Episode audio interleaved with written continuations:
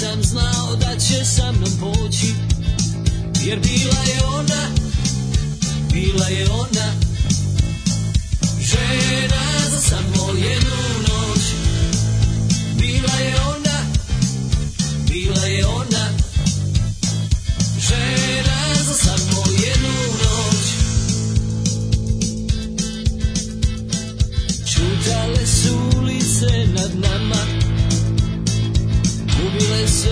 raspred kao slika Ništa nije ostalo te noći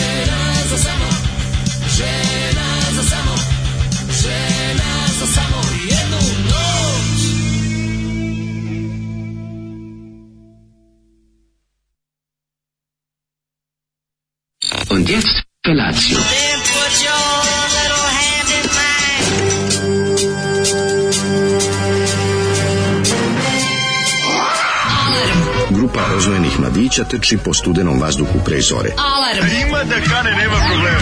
Svakog radnog jutra, od 7 do 10. Hajde, Geri, jako se velda! Nema da prska, nema da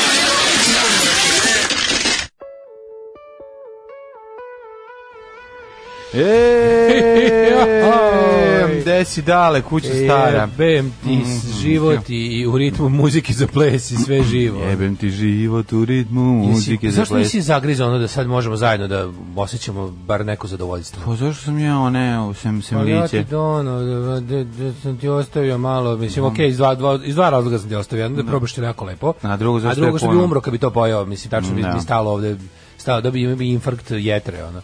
Ovaj, Divan je, hvala ti puno. Otkrio sam nešto novo. Možda si novo... mogli preseći ono da kad si počeo da jedeš, A da ne to... ostanu meni ovi tvoji ostasi se sve. Tvoji ostasi, mislim da ste najbo, najsočniji deo. A ti si me, kako si mi drag, meni, kako si moja baba.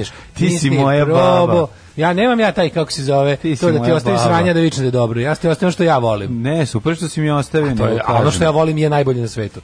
To svi znaju, to svi znaju. Naročito da. kad izgrizeš, postaviš tako izgriženo. Nego ti te kažeš, evo dođi pojedi, a ja ti kažem, odsjeci te delove što si jeo, pa I mi lepo. I discovered something new. Pa That's mi... a burek with dry neck. da, to se zove zlati borac u nekim ovim ovaj, mm, u da u ovom kao nikada ili u nekim pekarama. Zlatiborac, a smislite da je Zlatiborac kao ovaj pa pretop pa, burek sa sirom i unutra, ne, ne, ovaj to je burek sa sirom, a unutra ima još i mesine, još suve. Ja, e, taj sir je nekako onako nije ovaj buračni sir, čini mi se da je kao ovaj neki trapiz. Kao čalan. Više pa više je trapiz, malo da pa Ne, pojma. Žučko, mučko. Mm. ovaj uglavnom e, jutro je donelo nove stvari u moj život, to je burek sa mora sam ćapljati. Ne znam kako što sam utrekao, uzet ću, uzet ću proju. Ja, kažem, ste probali ovo kolega. Ja kažem sebi, vidi, bu, možda bude malo jači doručak, jer njega ćemo definitivno da istrošimo na ove, na ove Tako naše je. ove, emotivno verbalne dijareje. Nemoj, pro, kad vidim proju, ono imam da neko kreće da me ja davi. Volim, brate, Jedva znamo, proja mora biti baš sa belim mrsom. Se ono, ja. Da. Proja mora biti dobro na ove ovaj, spuca na belim mrsom i, i ogromne količine jogurta za ono za ono klasično jedan sendvič mi treba jedan mali jogurt kad se radi o proji treba mi 5 litara jogurta, jer me toliko davi, Tako a i kukuruz traži. Tako je.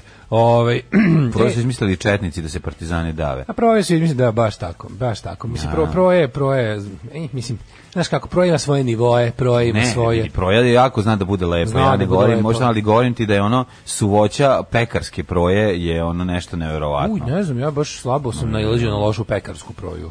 pekarsku de, proju malo napravi, malo bolje, malo i zamaste, malo i... Ma, mora to i da se... Belog mrsa meta i tako. Mola, belog, belog mrsa jako puno da ona... I moraš nešto ti kažem, napolju, ne napolju nekako bre čoveče već ono de, pola danas napolju, znači, ja. užasno živo mm. napolju. Mm. Da li su ljudi skontroli da moraju da ranije pobavljaju stvari jer preko dana ne mogu, od ono, od ono, toplote koja zatupljuje i usporava. Yes. Pa su se ono dali da već ujutru budu. Ono čim, čim izađe sunce se ponašaju kao da je... Mm -hmm. A drugo, pekari sam video mlađu najbolju ribu koju sam ikad video u 627 u životu. Ozbiljno. Ako ne da računamo povratke sa nekih ono jel žurki i toliko. Mislim, znaš, ima, baš sam zmišljao o tome kako recimo kako je, ovaj, postoji jedan period u danu, a to je mhm. tako negde između 6 i 7 ujutru, kada znači e, kada si recimo na ulici u 5:45 onda si faca. Da, da, da. se pretpostavlja da si ona, a kad si u ulici već u 6:12 onda nisi faca, onda znači da si mnogo da si mnogo mnogo mnogo bolje prođeš u životu. Tako da mi mi luzeri koji smo između 6 i 7 na ulici, mm -hmm. znači ba ta prva smena, Znači, mi, to ono, nije prva smena, prva smena je u pet prikamo. Ja, A, prva smena, dobro, vidiš, to, su, ovi. to su senke ljudi, pošto je mrak, ono dobro, vidiš znaš, ti, ti, što, ti što idu baš vidiš pre... Vidiš im žar cigarete i ovaj, kako se zove, vidiš... Žal kako, za životom. I, ne, vidiš, nije to žal, vidiš kako ulaze u autobus. Ali to A, da. su ono, A, dobro, to ti ljudi to nije. uglavnom onako izgledaju, to su ne prvi jutarnji autobus, ti 3, 4, 5, to, to je spola 4 i 4, dobro, tako. Taj, taj, taj, to, su ljudi, to su ti ljudi koji služe da bi ovi od 7 mogli isto raditi svoj to su oni ljudi koji obezbeđuju da nešto, kao tipa vozači. Ma, samo vozači. Ovi ljudi koji ono naš dostavljači i pa, tako. Pa, pekari, Ali recimo da, da većina ljudi na poslednjem 6 i 7 i sad ono kao ovaj to je ovi svi ostali su to je za tebe ne postoje. Životu, da. Ovi svi pa kasnije kažete, ovi što od 7 do oni što od 7 idu što kreću u 8 na posao što ili od 7 na posao. No. Da. To je to je fensera i teški. To da su ne pričamo od 9 do 5. To ide po američkom radnom vremenu, to je uspelo da, u životu, to nekom iluziri.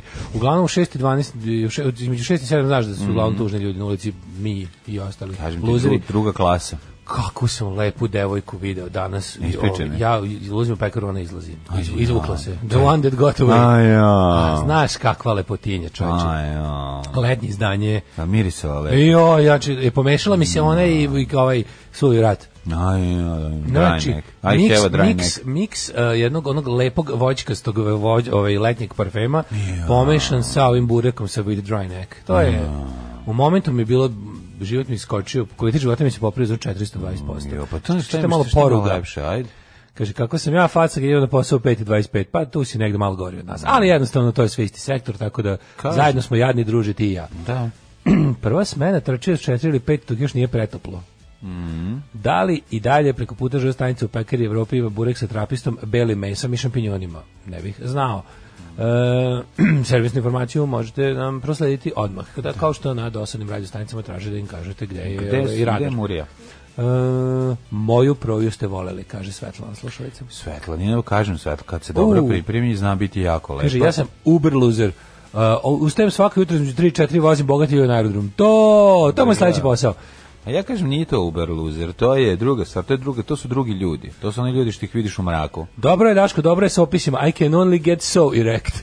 Mm Ovaj burek s klonicom 50 mesta prazno, pa ostali bureci recimo sa sirom ili pita sa mesom. Stvarno ovaj burek burek s klonicom koji se pogodio ovaj na neuranku je to to je the stuff that dreams are made of. Lepo je kad vidiš na ovaj ženu lepu tako rano ujutru i još ono kad vidi kad pom a malo mi na kad pomislim da je morala da ustane pa bar 45 minuta pre toga da to sve namesti da se to je ta posvećenost da se bude lepa, to je to je isto onako nešto za pohvaliti. Ja, ja kada se susretnem jako s takvom osobom, kada se susretnem s takvom osobom, pomislim bože, koliko sam prerano odustao od života. Mm -hmm. ja sam onog momenta, ja sam da treći dan kad sam ustao za radio tamo negde 2011, sam rekao, ne, neću više budem čovek, sad više stani. Sam, Može mi mi kad se sredimo ovako zabagreli nikakvi, može da se završi neki posao. Pa to može za kad, kad se to može za ovaj naš drugi život koji se dešava popodne posle predaha. Pa kad se malo sredimo. A za ovaj radni život, za ovaj naš radni deo dana, to mi što. Hoće po neki put.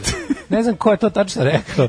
Kovač, to je nešto najbolje na svetu, taj njegov klip. Pa hoće po neki put. Hoće po neki put. Da, da. Jo, desi, desi. Ma kakvi da zabagreli nikakvi. Pa zato pa zato što sam setio kao, možemo kad, kad možemo da kad se sredimo i može da se završi posao, to on kaže. Tako da. Kad se da kasnije kad sam radio kod ostavljač u pekari pa se provodim u 15 do 5 i 10 minuta razmišljam šta sam sve pogrešio u životu, obučem se, krenem na posao. Tako da vas potpuno razumem. Pozdrav od druga Paje. Pozdrav, e, pitaju ljudi šta smo slušali. Ovo smo slušali grupu e, Cvrčak i Mravi. Da, da, i to, to Demos je, and Rarities. To je Demos and Rarities, B-Sides and Rarities, Outtakes and Demos mm. uh, i ostali neki ono um, jako redki RTN, RTNS Sessions. Mm. Jer oni tamo nisu baš imali često pristup, jer je Djoca tamo, tamo spuštao rampu. Djoca tamo kaže, ne može, ovo je pre previše provokativno. Šta žena, šta žena za jednu noć? Hoćete kažete da su Jugoslavenke kurve? Hoćete kažete da su ne može. Radnička samoupravna žena su na našem putu u socijalizam kurvetina. A što bi rekao? što bi rekao otac od nekog jednog našeg prijatelja, žene u velikim preduzećima su mahom bludne, ali on to očigledno nije mogla da se nađe i na spotu, odnosno na ovaj na pesmi. A i Vuk Drašković je bi pročitao tekstove, verovatno pre nego što I bi... njemu se zahvaljujemo ovom prilikom. Tako da svako ko je tako malo puštao grupu Tvrčak i Mravi u studiju i čini uslugu našim ušima. Ali a... zašto su pustili ali nećeš ti, hoće druge tri i zašto su pustili oni su jadni, čuveno? Morali, oni su zato morali da u Sloveniju. Pa da, to mi nije jasno. Zašto Čuti, to? Ču, pa mali Slovenija da vidi da podnese teret Jugoslavije. Znaš što isto zanimljivo? Ne može sve da bude super. Znaš si to govnaroka. Prvi album Šarbo Akrobata je snimljen u Beogradu, ali onda su došli drugovi i rekli Uh, ovo ne može, ovo je previše, ovo je ono stopirali i onda su to mu objavili ovaj Slovenci ili Hrvati. E, pa Jugoton objavio. Pa, da, da. snimano u Beogradu u drugoj maci, a A snimano je s namerom da se objavi u Beogradu. Ja ti kažem da pa da, su... Pa da, ali PGP je bio glup, oni nisu imali uopće sluha. Ne, nije to, ma, nije to bio glup. Ma, pa nije... Pa sad, da li je to neko bio... A dobro, ja ti govorim da su okay, da sedeli da li, ljudi da koji su stopirali bilo šta. Da li neko bio glup ili neko bio to kao, ono, pogadeo, teo da budu, da budu ku, na pulsu centralnog ne, komiteta? Neko je bio na pulsu centralnog komiteta, ja ti ali, kažem. Ali da, pa zato, zato je sve najkvalitetnije ploče tog perioda izašle za jugu. Tako, pa, da, se, šta ljudi imali ona sluha, razumiješ? Onda se PGP trgao, pa je bio fazon, ju moramo i mi imati nešto svoje na taj fazon, kao nešto mladalačko, buntovno. Trgali su se 91. ono. Pa, da, kad su krenuli krenuli tenkovi ono, u Sloveniji onda su se... E, ne kaže se džabe suvko broje, što se tiče ustajanja, sad ovako rano se trči, pa onda na posao oko pola devet, ja radim bravo. za strance. Pa to, bravo, to je taj život. Bravo, bravo. Bira da ustane ranije, ne, ja, trči do svoje pa, staklene zgrade. Za, zavidim i, i, i podržavam stvarno svakom čas, vi lepi e, ljudi. Ej, si bio što je Jugoslavija pobedila ovaj, svetski prvak Francuze? Ne, šta je bilo? Da, Jugoslavija, pa selektor švajcarski Bosanac. A. Dva gola dao Bosanac, jedan gol dao Hrvat penal dao Albanac iz Makedonije. Što se mene tiče, SFRJ, to je SFRJ. A to sve Srbi, tako da to je Jugoslavija. tako da je to Jugoslavija. A čekaj, čekaj, ko igraju igrao pa, juče, Švajcarska i Francuska, koliko vidim po porukama. Švajcarci pobedili Francuze. Pa čekaj, uh, ali Hrvatska izgubila. Ne znam. Igrala sa Espanjom, ali ne znam kako je prošlo. Mislim da su Česi pobedili. Ne, ne tako? Česi su ljudi, to je tačno. Dobro, ne pojma. Uh, Ko je u finalu, dakle, da znamo? Veći finale lupam, nemam polufinale. Je finale tamo negde 10. jula, ili tako? Tetvrt, četvrt finale. Tetvrt finale. Tetvrt finale. Radio sam godinama od 8 do 18. Sad kad sam mm -hmm. sam svoj gazda radim od 6 do 8. Mm. Jebi ga.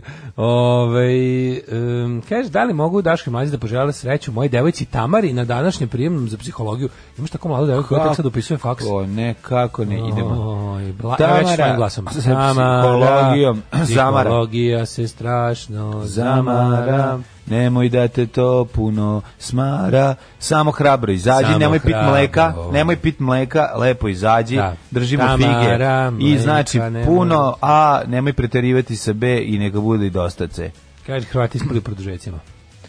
Um, pa ovako, kaže, krici i odjeci neuranka. Mm -hmm. Prvi put sam probao škimbićem, ekipa iz Subotice ponkidala. Upoznao sam mlađu koji se tako lepo pravio da me poznaje, ali glavno je to što sam došao sa devojkom koja nema pojma koste i koja mi u ponedeljak popodne je rekla u kolima, što ne pustiš Daška i mlađu, malo njih da slušamo. E. Tako da ste dobili još jednu novu slušalicu. Hvala puno, divno. Evo, ljudi kažu, da nije Darija iz Jasenovca imala televizijsku previju. Nije Darija iz Jasenovca zapravo imala mali kratak bioskopski život u Americi. Mm -hmm. Tako da jeste prvo prikazan tehnički u bioskopu, a i onda prikazan na televiziji, a od ostale bioskopske distribucije se za sad odustalo. Da. Tako da verovatno možda čuvaju za početak avgusta. Pa moguće. Znaš, Možda čuje kao da Daru iz Jasovca da ide na, po tim tržnim centrima i ostalim. Mislim da će krenuti kad krene ova kad krene, krene oluja. Pa da, pa to da, ti kažem. Čuvaju za drugu polovinu jula moguće. Mm -hmm. Ako su mhm. sačuvali, onda će da bude recimo besplatni bioskopi u tržnim centrima mm -hmm. da se nakupe ljudi mržnje do 5. avgusta. Čak Profet, ovaj, koji nam je napravio ovaj maraton zajedno sa svojim sestrom Jelenom Profet. Hvala vam. Ovaj, I zajedno otpevali ovu pesmu. Hvala vam što ste mi otkrili Čaka Profeta. Ljudi, ja se izvinjam što stalno radim, ali imam utisak ću stalno da ostanem bez glasa mi škripi. Južno se me nervira to. Izvinite. Ma nemoj ništa, nemoj njima, u redu ja ću. Nekako je već ovaj, malo. mi prešlo u tik. Jako mi drago da smo nekom otkrili čak profeta i da smo mu ulepšali život jer taj njegov je da moć da napravi dobru pjesmu datira još iz vremena kada je svirao Green on Redu, tako da slobodno istražujte čak profeta. Ima tu svega, naj... ima tu dobrih pesama. Sinoć bile dve najbolje utakmice, Španija-Hrvatska 3-3, pa posle produžetaka 5-3 za Špance, onda uveče SFRJ protiv Francuske 3-3, pa posle penala SFRJ prošla Zaista juče bi i vi uživali kakve su utakmice bile. A nije valjda toliko zanimljivo bilo. Sigurno je bio dobar fudbal, ja verujem. Znači, ja pazi 3-3 majku moja, pa znaš šta je to, ko je to ludilo. Baš žao mi je Hrvatske što je ovi ovaj, ispala. E, žao mi. Ali pa Španci da. su neugodno, nezgodni protivnici, naročito kad se radi o fudbalu. Da, to Kakva je. glupost. Kako, a košarci, ja znam da je Španija njima. Španija u košarci izuzetna sila. Peta košarkaška sila ovaj, posle Kolumbije, Madagaskara, Kipra, Moldavije i Rambe Sambe, Rumbe Čačača. I Papuje Nove Gvineje. Tako je. Ove, kaži mi, Mladine, kako, druži, brate, kako dan? si proveo jučerašnji dan? Sad ću krenuti. Dobar ti ovaj burek, samo ti kažem. Ja, ja, da, da. Nije loš uopšte, znači, fino su ubacili ovog mesa, neke osto se... Znači, ove, ovaj, bolje.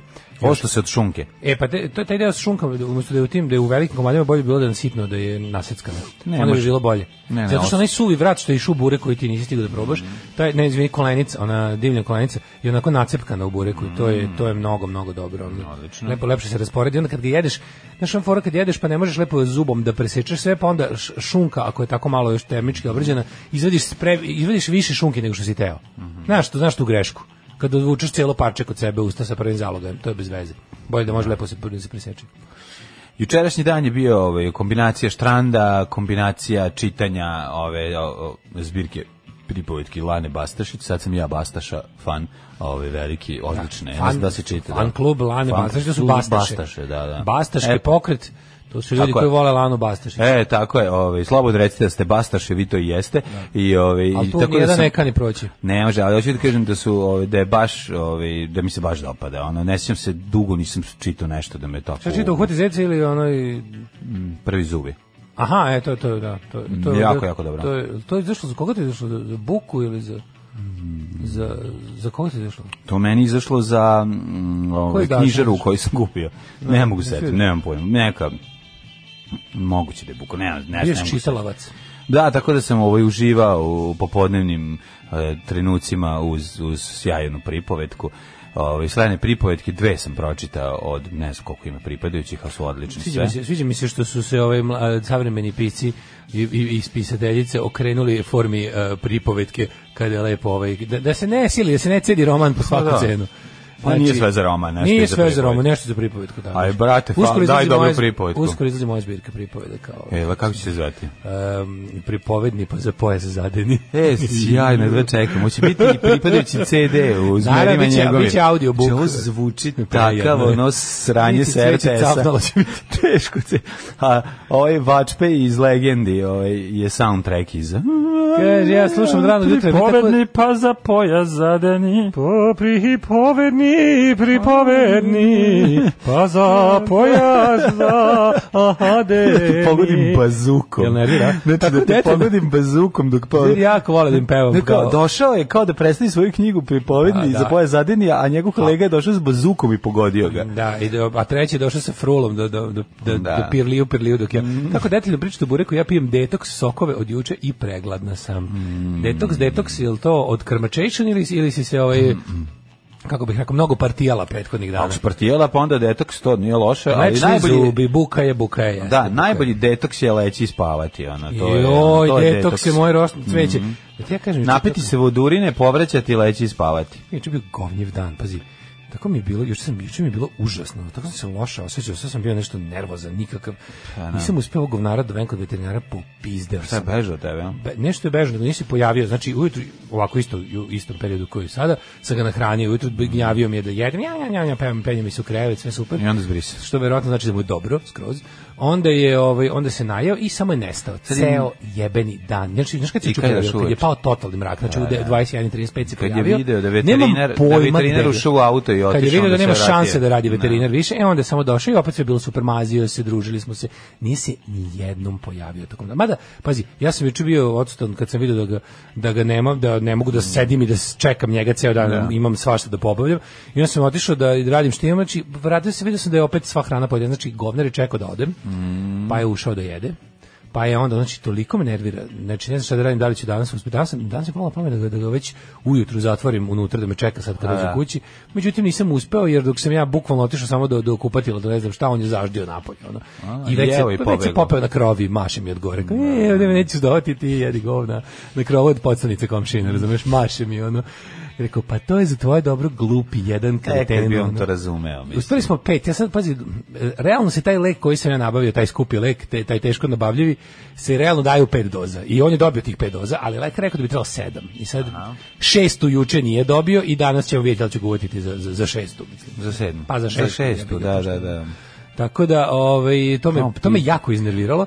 A onda mi, na primjer, ulepšao mi dan što kad sam krenuo negdje sam bio u zonu kao ono, idem, moram da idem, ne znam, tamo negde do, do, ovaj do, do, do Klinja Spence i bio sam u fazonu, auto mi stoji na takvom suncu da ne mogu da uđem u njega, razumiješ, znači ne, neće biti dobro ako Rekao, znaš šta, zovem, zovem taksi. Nisam, pošto jako dugo nisam vozio taksi. Mm -hmm. Pozovem taksi i ovaj, stigne lepo razlađen taksi i najbolje od svega, ovaj taksiste. Lep razlađen. Pa da, lep, da, dajte mi jedan lep razlađen. E, šta je, taksist ima sise. Taksista, nema, taksista sise, taksista slušalac, znaš koji je bio pozvano. Ja znači nisam sise. platio Patreon, da, imam sise.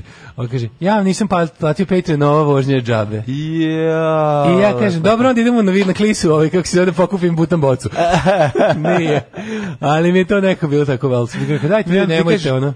Drugari iz žbunja iskače, još ono pet idemo, idemo do, ovaj, do starog žednika. Do Beograda. Beograda. Da, da. Idemo do, do ono, kako se zove, do Banoštora. Mm. Tako da, tako da, desi se i nešto lepo ponekad u životu, ali u principu se, kako me, tako me, znaš, kako me muči to, to s tim mačkom jebate, ono, da, čuči mi na, čuči mi stalno na mozgu da, da treba da, da, da to završim s njime, da ono, nervira me to jako. Ne vidi decu pravi. Znaš šta, hoćeo sam da ti kažem jednu stvar. Kad ove, ovaj, Valjda ćeš danas uspeti da govoriš, ali daj Bože da mu u tih pet doze odradi posao pa da više nema. A meni se, znaš, čimo, znaš kada je Njemu jeste, ma odmah malo bolje, bolje beži.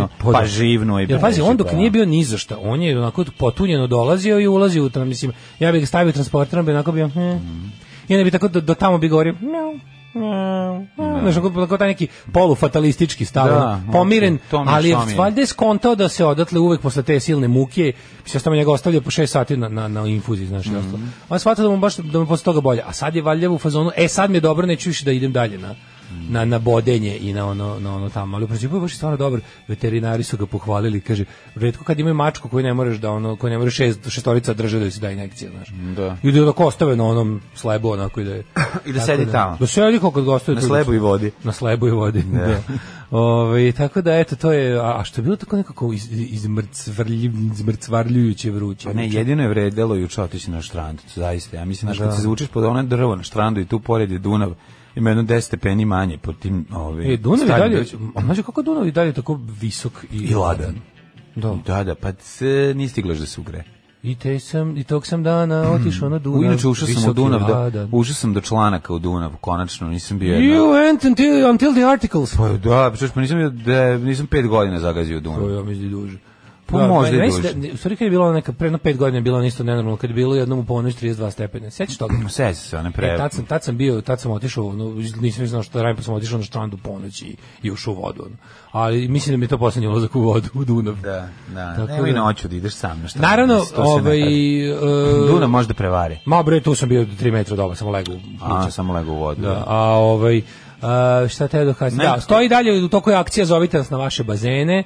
Jeste. Naravno, mi se rado odazivamo, ja pogotovo, ja ovaj, dolazim sam, mlađe, mm -hmm. s porodicom, tako da vidite šta se više isplati, koga da zovete. Ali ove, ovaj, otvorene, u toku je akcije zovite nas na vaše bazene. Tako je, ove, ovaj, ako ste ih napunili, naravno. u stvari, mene zovete ako hoćete, ako su prazni, ja dolazim sa porodicom da vozimo skate. Legendarni, genijalni, brutalni, totalni. Znači, LGBT jutarnji program. Alarm sa mlađom i Daškom upaliti Skype da popijemo. Je ovo nova stvar od eh, Bad pretpostavljam, a? U, vidio sam je na Downloads, neko je ubacio u Downloads kad sam vidio kafa, Bad Copy, odmah sam prebacio. E. Dobra je stvar. dobro, dobro, naravno da je, mislim. Mi ovako... Pa, Najteži moment da mi nije mora, Najteži moment mi je kada moram da zaboravim da jednu od strofa peva Sky Vikler. Da. Kog smo, da. izba, kog smo cancelovali. Dobro, šta da radiš. Ali ovo je jako smiješno. Dobre stvari. Ne, kad čujem kad o Timbe i On je talentovan po talentu. A Izaka. Da, da, da. A smešani, svi su smešni. Pa znači. Jesu, bre, nema. E, moj druže, da vidim šta kažu mladi. Ove, ovaj, Malo poruga. Je li ovo sponsored by Bata Santos? E to, Vivala Coffee. Mm. Pazite kada zovu ovaj, iz na bazen, može pitanje bazen za kupus. ovaj, lakše je pozvati mlađu s celom familijom, jer manje pričaju i manje pojedu. Dođite u Bečej na Tisu. E, Nema e, rashlađivanja dok se ne upadne do sisa. Evo, evo upuje do sisa, ej sad možemo kući. To je Gotovo. meni najsmešniji video koji ljudi šeruju na ovoj popularni. Da, ima dobro. Viberu. E, kad pustite Morris je poželim da vas slušam sve one pesme iz džingla. Što taj čovjek postoji i peva? Zašto ljudi ne volimo? Mislim, Morris je, ne volimo politički u zadnjih nekoliko godina, ali Smici su genijalan bend. A i njegovi svi solo albumi su skoro genijalni, da se ne lažemo. Mnogo mi je drago kad vas dvojice pustite bad copy, samo se malo uzneverim kad čujem Vikler, ali ne previše. Isto vidite. Da, da, to je da, da. Da. da. A stari e, morate album. sad prihvatite, on je čovjek jednostavno prešao na stranu. Stari album, to je ali... sa albuma Krigle. Pa sigurno je stara, da, mislim, da, da, on sad, on sad ovaj, je zarobljen, ja mislim da njega drži ono, u bukagijama vezan Željko Mitrović u studiju i kad on uđe pale se svetlo, svetla zuje elektrika. I... Aha, to je krigle, tamo su svi oni hitovi, tamo su i MacBook i ostalo. Da. Mm. E, timbe najjače rime, kaže drug mm, Kulen. Mm, Ove, ovaj, šta sam ti teo reći? Šta sam juče? Dobro sve. ja moram da počnem, moram da počnemo puno pozitivne energije i dobrih misli drugu E, drugu Dragiši, Mm -hmm. koji nam je zavdao po bolnice. Dragiša? trombozu u pluća. A u majku moja. Da, i toga nešto, ono, čovjek nije ništa za kašljucno krvi, onda odjednom ovaj, od, otišao da otišao da slikava, bilo mislilo, sumnjalo se, plašilo se na najgore, međutim nije. Čekaj, samo je tromboza pluća. A gde je samo tromboza, to je jako zajebano. Ti šta se može da kad kašliš krv, ovo je super. Da. Je Tako da sad sad leži verovatno sluša nas ovaj šta je drugo čovjek da radi u bolnici. Ajde dragiše držimo fige, drž se. Kaže ista bolnica koja kojoj je Tomislav Nikolić. Ej, vidi kad izađeš krenut ćeš život na bolje. Da, da. Tako da samo treba da izađeš. to, za, to je za početak. Da, pazi, gledaj, da recimo kad ako malo kad ti dosadno u kretu, ako te posle malo da izađeš, traži komad stiropora da sedneš negde na beton. Kao, a tamo je to, Pa da poštuješ potpuno proceduru da bi da. sigurno ti život krenuo na bolje kad da, izađeš. Da. To ti je otprilike tako. Ćemo da vidimo prošlost. Yes, we does. Let's go. Let's go.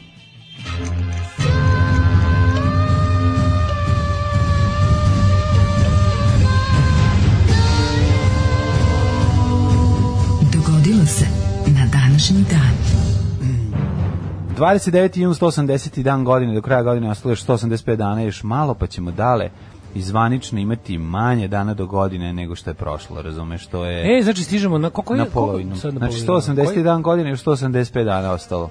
Pa da, to je znači 180 koliko je zapravo 300 pa ne može danas jer ove godine nije ovaj neprestupno 300. Ajde, sad sve što ti se manje sad desilo u glavi što si sad probi nekako tu jednu u jednu razumljivu rečenicu. razumljivu rečenicu da ispališ. Da, ono. prvo sam teo da vidim da li je godina sa parnim ili neparnim brojem dana. Spa, sparna godina. Sa sparnim, sa, ne, Sparna, sa nesparnim je.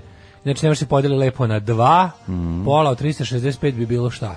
180 i 182 i po. Mm. 182 i po. A danas je koji dan po redu? 180. Ne, dobro. Ove, ja ću za novu godinu da idem recimo u što da ne pazim ili recimo mogu bi da odem gdje gdje recimo u, u, Slušaj, u, loši crnogorski gdje gdje Mogu bi da u Crnu Goru, ja vidim neće, recimo Slobodarsku Crnu Goru, koja će dotle već da se oslobodi Četničkog jarma. Mogu bi da odeš u plav. I tamo sam, tamo sam već bio. I u Buruklinju, i u Gusinju, i u Plavu, i u da Tuzi, i u Sreći, i u Tuzi, i ostalo. Ali evo recimo mogu bi da odem. Mogu bi da odeš da posetiš rodnu kuću vladara i gospodara da, Crne Gore. Bio sam 86. mogu bi opet, ali to sam skoro bio četiri. A čekaj onda. Ajde da recimo da, da odem negde na Durmitor. Na Durmi. novu godinu na Durmitoru matori. Zašto da ne? Tamo je Vuc. Da me ne. Možda viš Vuk iz Golije na Durmitoru. Znaš da sam ja Wolf Whisperer. No, Whisperer. Whisperer. 1444. počinje moja oh, historija. Izvolite. Kada je Skenderbeg porazio osmansku vojsku u bici kod eh, Torviola. Jeste, on je tad bio Srbin još. Josip Viserionović Skenderbeg, ovaj, čuveni. čuveni, čuveni njegov zaustavljanje osmanske vojske. Srbljanović Skenderbeg. Tako je, od nje zaustavljanje njegove vojske uz litru konj, konjaka, dakle, prosta neverovatna stvar. A šta je juče, juče se baš nešto razmišljao, juče je bio taj... Ti znaš da- Skenderbeg bio Srbin, brate? Navrti, šta vrti? A ko nije bio Srbin? Kume. A ko to vreme nije bio Srbin? Kume da su da bili Srbi. Srbi bili pa Srbi. Sve su bili Srbi. Pa Sve pa su bili Srbi. Jasenovca. Sve znači, mora izdavi. ništa da se ne razume i onda kažeš samo jedan toponim. Izvuči kao da pričaš, ne, kažeš, neš, nešto tako iz nešto, pa, što, nešto, što ja, neku jaku reč da. kažeš. Pa to tako ti da. Jasiovac. Da. Publika Srpska. E, to, da, da. Znaš, samo tako i onda svi to ti, tako se priča. Tako, inače, Skenderberg ima dobru, ove, jako dobru kapu sa ovom kozom. Znači, kapa je bila takav Ja ga volim onako Kvelertak, da je to da, neverovatno. Ja, znači teški, teški norveški, norveški hardcore, hardcore da, da Jeste, da, da, da. pravo se metalizirani mm. baš Hemingway. Evo, Skenderbeg na omotu, na Đuračka omotu. Strijed, poznati kao Skenderbeg, bio srpski borac protiv osmanskih osvajača i islamizacije, kojeg su Albanci proglasili za svog nacionalnog heroja. Dakle, to piše na pa Wikipediji. Pa da, dakle, tradicionalno su nam pa ne, ovo je genijalno, znači, mora tako da se napiše. Mm. I onda, će, onda kad bude bila ono under review i srpska Wikipedija, biće će, što, brate? Kako dobar satanizam, ako ne mogu, ne mogu da se, ne, ne mogu da ne gledam u, u, u ovu dagerotipiju ili šta god crtež. Ne, znaš ono, ovaj, jučerašnji dan boje na Kosovo, mislim, u, u, u bitci na Kosovu su učestvovali i neki albanski, ovaj, kako se zove, plemići. Mm. Na, I to na, naravno na strani, na strani kneza Lazara. Da. I ovaj, mislim, ta ideja da sukobi iz ono, nacionalnih država koje ovde postoje od kasnog 19. Da, da, da. mislim, da se, da se, da se transponuju na srednji vek, to je na na, ovaj, na, na rani novi vek to je mislim tako ovaj kako se zove glupo i mislim znaš uvek uvek je uvek, uvek, uvek rado kažem ovaj pa čekajte ali Alban Alban Albanija je mnogo duže odolevala osvajanju Turske kasnije su potpali pod Osmansku imperiju nego nego ovaj Srbija tog doba mm. E, 1534.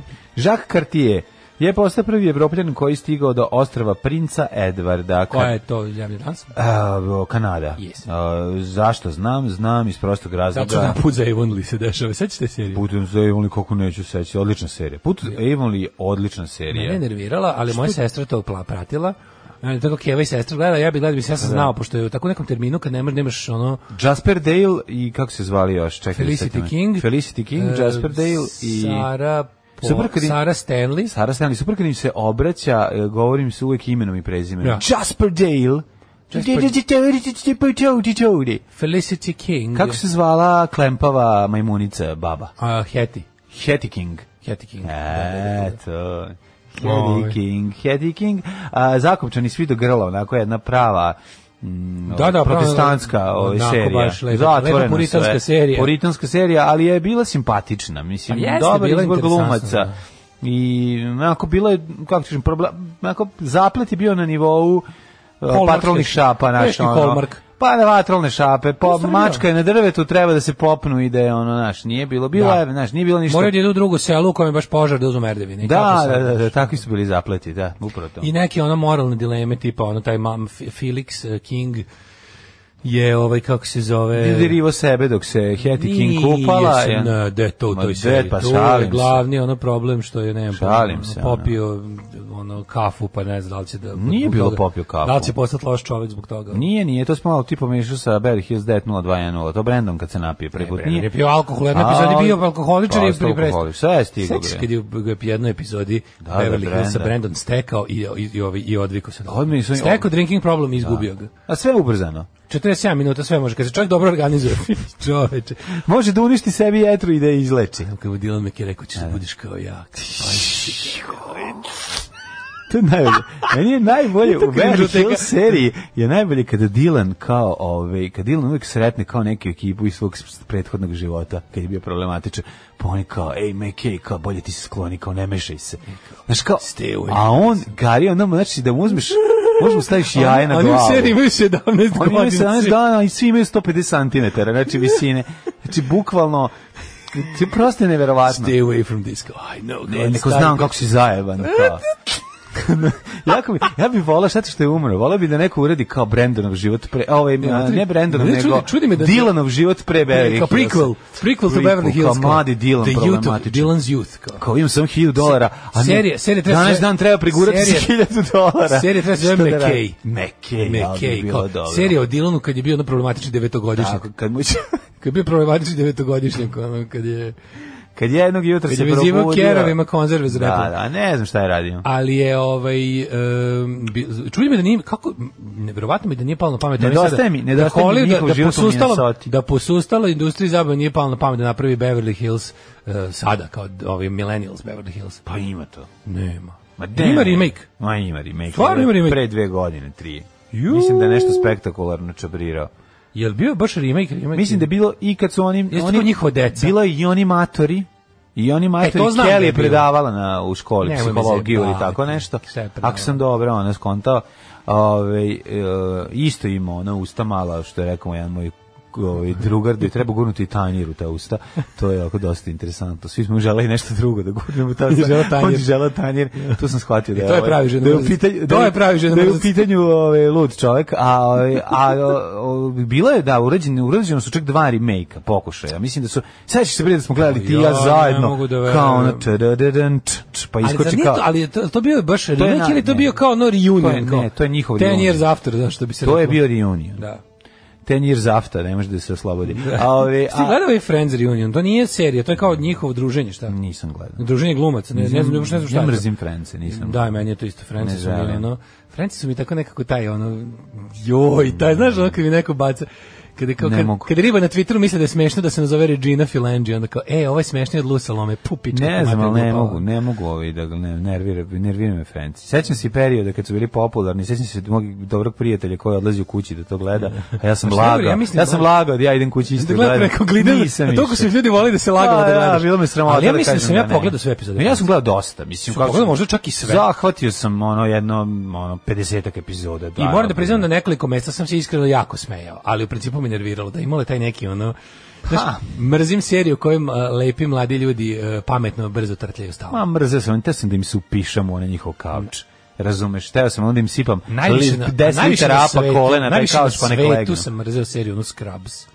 Tu su svi, tu, tu svako ispaljuje najintelektualniji humor brzinom od 300 na sat stalno. Tu čovjek ono probudi se u 3 ujutru i ona kao ona A do ne mora biti to loše. I onda ne kaže ne mora to uvek loše. Ne, mora, mora, mora. Znaš kad je na kako kad nervira. Franci isto treba gledati kroz epohu kacu. Mislim oni pa su pa 90-ih su izašli. To ja sam takvi serije dalje s Ali ja sam ovaj voleo ovaj u to vreme. Imao sam boljih serija. To je pravo network television humor, da, to je to. Da, da jeste, jeste. 5,5 e, pH. Tako je. Tako ima i kao ludila. Ima i kao ludila. Nikog ne vređa. Ima i kao ludila, ali sve to ludilo je onako ono, ne znam, da, da, da, i, da, i da, da. moram nešto reći, jako me nerviralo ona Philby, Phoebe, kako se... Da, da, naravno, Ju, da. Kako me ta, ne, i sad me nervira kad je vidim, jer gdje god glumi ista je. Liza Kudrov, da, da, da. Ju, znači, znači, tako bi je ono, ne znam, ono, ta baš bi ba, baš ju želim loše. Ja mrzim muško ženske odnose. Znači, ja mrzim ja mrzim humor ja žensko ženski muško muško Ja mrzim ovaj humor muško ženski odnosi. Onda se kako zvala na coupling isto. Ne, znaš ko se. Oh, you women are so oh while we men are ajde mrš trebali nešto kao ona ona ona Willing Grace kako ja to isto to sam mrzio isto. Mrzim Willing Grace. Ta ta serija me malo gurnula upakao homofobiju. Da, da, da, da. Znači, ne, nisam mrzim mrzim frfljave pedere. Ja nisam uopšte uleteo. Mrzim frfljave pedere, znači bukvalno posle Willing Grace moram da pustim gay pornić, ona da, mi se ponovo dopadnu pederi. Da, da, ne, ne, znači, pogledam Willy Grace, onog frfljavog, onog, onog zlikovca, onog pokvarenog, kao, ha, ha, I'm so mean, onda, da. se, onda posle da bi ponovo voleo pedere, moram da pustim ono two bears fisting each other nogama. Tako, ono, tako. Da, da mi ponovo budu dragi, ono. Vratite se, dragi pederi, da, nazad, u moj život. dalje, izmrzeli smo celu televiziju kasnih 90-ih. E, 1855. Onda Londonu izašao prvi broj lista Daily Telegraph. Mm -hmm. se svađa jedne vezane za Willy Grace. Kao što ti ne voliš Willy Grace? Pa zato što me ne nervira. Meni isto mrzio ali ne mogu. O, baš, o, ja sam takva Karen iz Billy Grace. O, to mi je, to mi kao, o, seksi grad, to je tako moj život. Ajde, mrš nazad u šarak. A ja recimo seksi grad nisam. Seksi grad mi je bila bolja serija. Gledaj. Šta ti je bila? Da sad se posvađamo. Pa ne možemo se mm. posvađamo, bilo mi je bolje, ono četiri ribe, cugo izjebaju se komi. mi. Mislim, kako ne, ne možeš da ne voliš. A dobro kad ti čovjek tako interpretira sve lakše. i lepše. Predstavi lakše znaš, onako, e, kao gledala se svička, e, ovo misli, e, to je ko, ne mogu da... reko moj život, da, šta je da, sve ko tvoj život, šta je sve ko tvoj život. Ajde, probaj malo, ti budeš u mojim cipelama. Prvo, razgovor, ovaj, e, slušam, slušam kako to priča s drugaricom u gradskom busu, nije kao tvoj život, pod jedan. Dobro, da. Pod dva, letovala si u paraliji, ono, ne bi tako, ne bi zao čovek. Moram. Mislim, ja kako sam živio u Njorku, bio je deo mog života. Mislim, tih mesec dana ja jesam bio kao razuzdan, kao, a kako se zove, Uh, Single Woman in Manhattan. Kim, Kim Katral, Bio sam razum. Samantha. Samantha, da. Da, ovaj, eh, e, 1864. Samuel Krauter postao biskup u Nigeriji, prvi crnac biskup Engleske crkve. Dobro, 1807. Ruski admiral Dmitri Senjavin je porazio osmansku flotu u bici kod Atosa. 69. Eh, je proglašen namesnički ustav u Kneževini Srbiji. Određuje da su izbori u zemlji javni i posredni i da je izborni cenzus visok, da zakonodavnu vlast ima Narodna skupština, da zakonodavna inicijativa pripada knezu, kao i da se dve trećine poslanika bira dok jednu trećinu postaje knez lično. A, naravno, šta ti da, kažem. To su ono kao izbori zakurac. I... 1880, Francuska anketirala Pacifičko ostrovo Tahiti, koje od 1842. je bilo francuski protektorat. Otahit se kaže da, na da, franceskom. Da, da, 1882. Da. u Beogradu pušten rad prvi savremeni vodovod. Čekaj, koji... smo rekli da Tahiti podeljen na dve države. Ne, to je Haiti. A, Haiti, i Dominikanska republika da, su da, na es, ostrovu Espanjola. A te se nalazi Tahiti? A, nemam pojma sad da ti kažem. Moram pogledati na mom novom Mora globusu koji sam neće istraživao. Tamo ću vidjeti. Jesi našao, koji ti fali ovoj zemlji? Šta je otkinuto? Ne fali ništa, sve zalepio. Šta je otkinuto? Pa zalepio sam, fali malo, fali jedan... jedan fali malo Nikozije. Nokat, ne. No, kod Grenlanda zabole me ono, za da. to što je pokriveno snegom, to ne čitam. Tako je. A, u Beogradu pušten rad savremeni vodovod. Mm. Napravio ga o, inženjer nemački Oskar Smrekar. Mm. 1900. utemeljena Noblesova nagrada, najuglednija Svetska nagrada koja se dodeljuje znanstvenicima, književnicima. Iz pet dubokih bunara no, Beograd je dobijao 65 litara vode u sekundi, pa ti vidi. Wow. 1921. U Beogradu je pokušan atentat na regenta Aleksandra Karadjordjevića dok se vraćao iz, skupšti, u, skupšti, iz skupštine u kojoj je ozakonio Dr, Drug Baćo? Sa skelene dovršene zgrade jeste ministarstva građevine na uglu Miloševe i Masakrove ulice ili Masarikove. ovaj molerski radnik spasuje stage baca bacio bombu bacio. na Regentovu kočiju. O, ona je zapela za telefonske žice, eksplodirala ne pogodivši cilj. Da, on je osjećan smrtali su ga, ovaj, preime, pre, preinačili su ga ovaj, no, 20 robi. Da, da. Ako se ne varam, on je, on je bio posle i ovaj eh, partizan i poginuo valjda u ratu. Baću moram proveriti. Ali mi ne bi što Baću, znam da Baćova fotka, kad se vidi kako Baću izgleda, Baću izgleda kao malo stari. Znači, da li su svi ljudi na Gavrila Principa? Pa da se prebijeno ovde, mislim. Liči na Gavrila Principa, da li su svi ljudi, da li su svi ljudi slikani posle tretmana carskih i kraljevskih no. Da. policija izgledali jednako otečeno, pa su se pretvarali u pa principa? Ne, mislim da su mu slomili nos. Ono, mislim da, da mu da, nos da, iskrivljen, da, ovaj, ali Baću izgleda... Ali kad slikaju tako prebijene, to mi je ono najodvratnije. Ono. Inače, ne, neposredno nakon atentata, pa dobro, bre, viš kako je izgruban. Inače, da. ovde Baćo jako poliva ne znam, ono liči mi na mešavina Orvela i da ima svega i kod principa. njega. Uopšte ne mogu da kažem da. za ko, više liči malo i na Novaka Đoković. ima svega u njemu. Ovaj rođen je u Adi u Vojvodini, dobrovoljno se prijavio 14. u vojsku. Ove, ovaj, da, da. sa jedinicama srpske vojske u Dobruđi teško ranjen, potom prešao u Rusiju gde je uključen u jugoslovenski bla bla bla, znamo šta je bilo kasnije. Da. Ove, ovaj, Posto komunista? na 22. osuđen na smrt posle brana, čekajte vidimo. Aha. Super mu život. Znači to čovjek je bio fighting all the way. Poginuo 43. godine u tokom borbi na Sutjesci. Sutjesci, da, na da, Sutjesci je poginuo čovjek. Čovjek je, da, čovjek je Rambo. Ove, sletanjem aviona Dixie Clipper na aerodromu u Lisabonu obavljen prvi komercijalni let iz SAD u Evropu. Mm -hmm. 40. podlici Pape Pije 12. Počeo se slaviti Hrvatska sveta godina. Povodom 1300 godišnjice kršćanstva u Hrvata. Moramo svetu godinu proslaviti. No, 41. Mm -hmm. Nemačke trupe zauzele Minsk, prestonicu Belorusije. 49. Južna Afrika politiku apartheida proglasila državnom doktrinom. Užas. 74. Izabela Peron zamenila bolesnog muža Juana na mestu Perona na autobusu Perona broj 9. 1980. E, Vigdis Finnbogadotir izabrana za predsjednicu Islanda. Mm -hmm. To je ovaj prvi put da je izabrana. Žena na neposrednim izborima tek 1980. Tako u Evropi. je, srce uzela, izbore dobila, hej, žena Više od 500 ljudi poginulo u selu kad se srušila petospratna robna kuća 95. Uži, 98. je Slavko Dokmanović osumnjičen za ratni zločin izvršio mm -hmm. sam ubistvo uh, da, gračanik Vukovara, da, Dokmanović. Mm -hmm. Onda 99. mitingom u Čačku na kom se okupilo 10.000 ljudi, opozicijni blok Saveza promjene počeo proteste protiv režima Slobodana Miloševića. Uh, e, 99. Turska sudila smrt vođu Kurda uh, Ođalana. Nisu gubili, jesu? E sad ne znam što je bilo sa Ođalanom. Da li mu je prinačeno u zatvor? Zaboljao? No, možda je smrt bolja, ono, odnosu na pa, život u tom zatvoru. Da, da, Zoran Žižić podna ostavku dana kod učenja Slobodan Milošića Haškom tribunaru idi kurvo, ko te jebe, možemo mi i bez tebe. E, 2002. E, Leka pravi sin kralja Zoga, da. koji je vladao Albanijom, vratio se u zemlju posle 63 godine, 63 godine progonstva. Pričao sam o njegovim genijalnim pokušajima državnim udara, državnih udara i vraćanja monarhije, koje bi mu svi bili osunećeni vrlo brzo, a onda da bi prestao to uopšte da radi, jer je imao para da stalno pravi sranje. Ti njegovi državni udari bi se uglavnom stvarili na saobraćeni problem. I onda mu je da. vlada Albanije rekla da li možemo se dogovoriti ovako, neće Albanija više biti monarhija, ali ćemo najveći najduži bulevar u Tirani nazvati po tvom ocu, a da ti da prestaneš da radiš, što ne rekao, može. može. A, e, 2004. Hraški tribunal sudio bivšeg lidera Srba u Hrvatskoj Milana Babića na 13 godina, ne misli se na pevača, na 13 godina zatvora za zločine protiv čovječnosti. Da, postoji i gori Milan Babić od pevača, da, da, da. Čisto znate. Ubio se u zatvoru. Jeste, izvršio sam ubistvo u zatvoru, da, da, da. Uh, e, 2300 je Papa Franja objavio encikliku Lumen Fidei. Mm -hmm. Stani bre, je li da je Papa Franja... Od 2013. Nije bre on tako dugo Papa jebote. Nije, bio je ovaj Schlesinger. Nije bre, ovdje da bio Ratzinger, je bio to vreme da. čoveče. Da, Ne znam, aj pogledajmo. Slušajmo od kad je Papa Franjo nije bre, možda 5 godina pa Papa. Ruski stolar. Ruski stolar. Časopis za stolariju sa dušom. Vaš vodič kroz pravoslavnu obradu drveta. Ruski stolar. Časopis koji zapad ne želi da vidite. Noel Gallagher i njegove, njegove ptice. Njegove ptice koje uvek polete da. visoko. Da. Ceo život čekaju na to. A ja čekam na tvoju playlistu, čekam... Što bi rekla starije žene, put za Evonli. Evonli, Znaš, ladno ideš na posao u Vive Bitter majici. Da, i, i papučama. Mm. Da, ali dođu u Zabrđe, kod mene to ti je luštica, pozdrav od Brigela.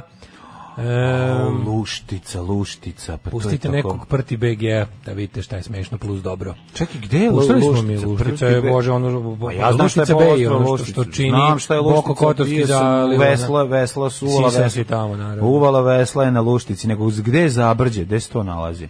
Pokušaj, no, da- znam da su tamo Radovići, prođeš kroz Radovići, onda tamo ima one kao Ros, ne, se Ros zove. Ros je su preko puta Herceg Novog Luk, mala u Toti. Luštica ti je ono, pa ona, ono što je poluostrovo, mislim, koje čini, bio sam sem puta da, na Luštici, znam šta je Luštica, nego ti nego pokušavam da vidim što ne znam, ne sećam se tog toponima. Ne, ne znam da da gde se ovo nalazi. Tad znam da su tamo dizeli obalu u vazduhu, da su pravi pravili silne, silne hotele pre recimo. A pa imaš sada imaš, 5 godina. Imaš dva su suparnička kako bi rekao Mufljus projekta Porto Montenegro i Luštica Bay. Mm To su ti dva ono. Onda sam ja video Lušticu Bay. Ni jedan ni drugi ti ne, ni ja ne možemo priuštiti ni 7 minuta tamo. Da, da. Tako da to je taj neki naš život. Ja bio sam A, u ovaj, Porto, bio sam u velikoj luci crnogorskoj pre 7-8 godina tamo gde su oni najskuplje jahte. Kaže, seksi grad vam je bolji od Willy Grace. A u, evo te koga ja slušam, ne, ja mrzim sve. Mrzim mm, sve da. to.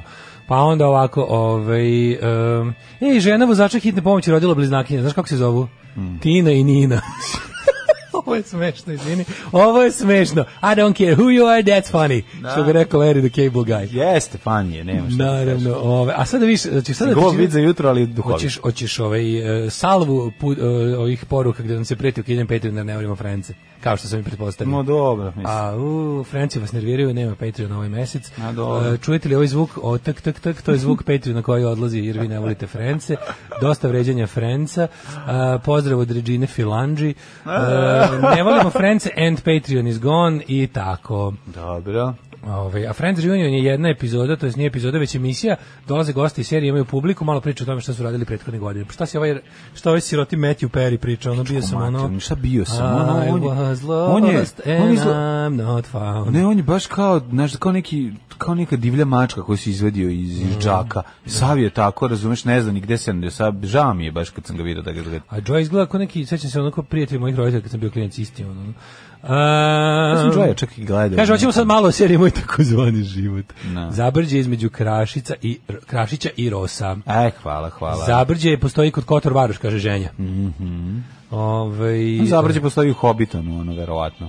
Čekaj, vreme, zezaš da je Baćo bio Tito posiljen, da je poginuo Sitijusci od bombe kojom je Tito ranjen. A, a to bi bilo stvarno tumačije. Gari, jesi video.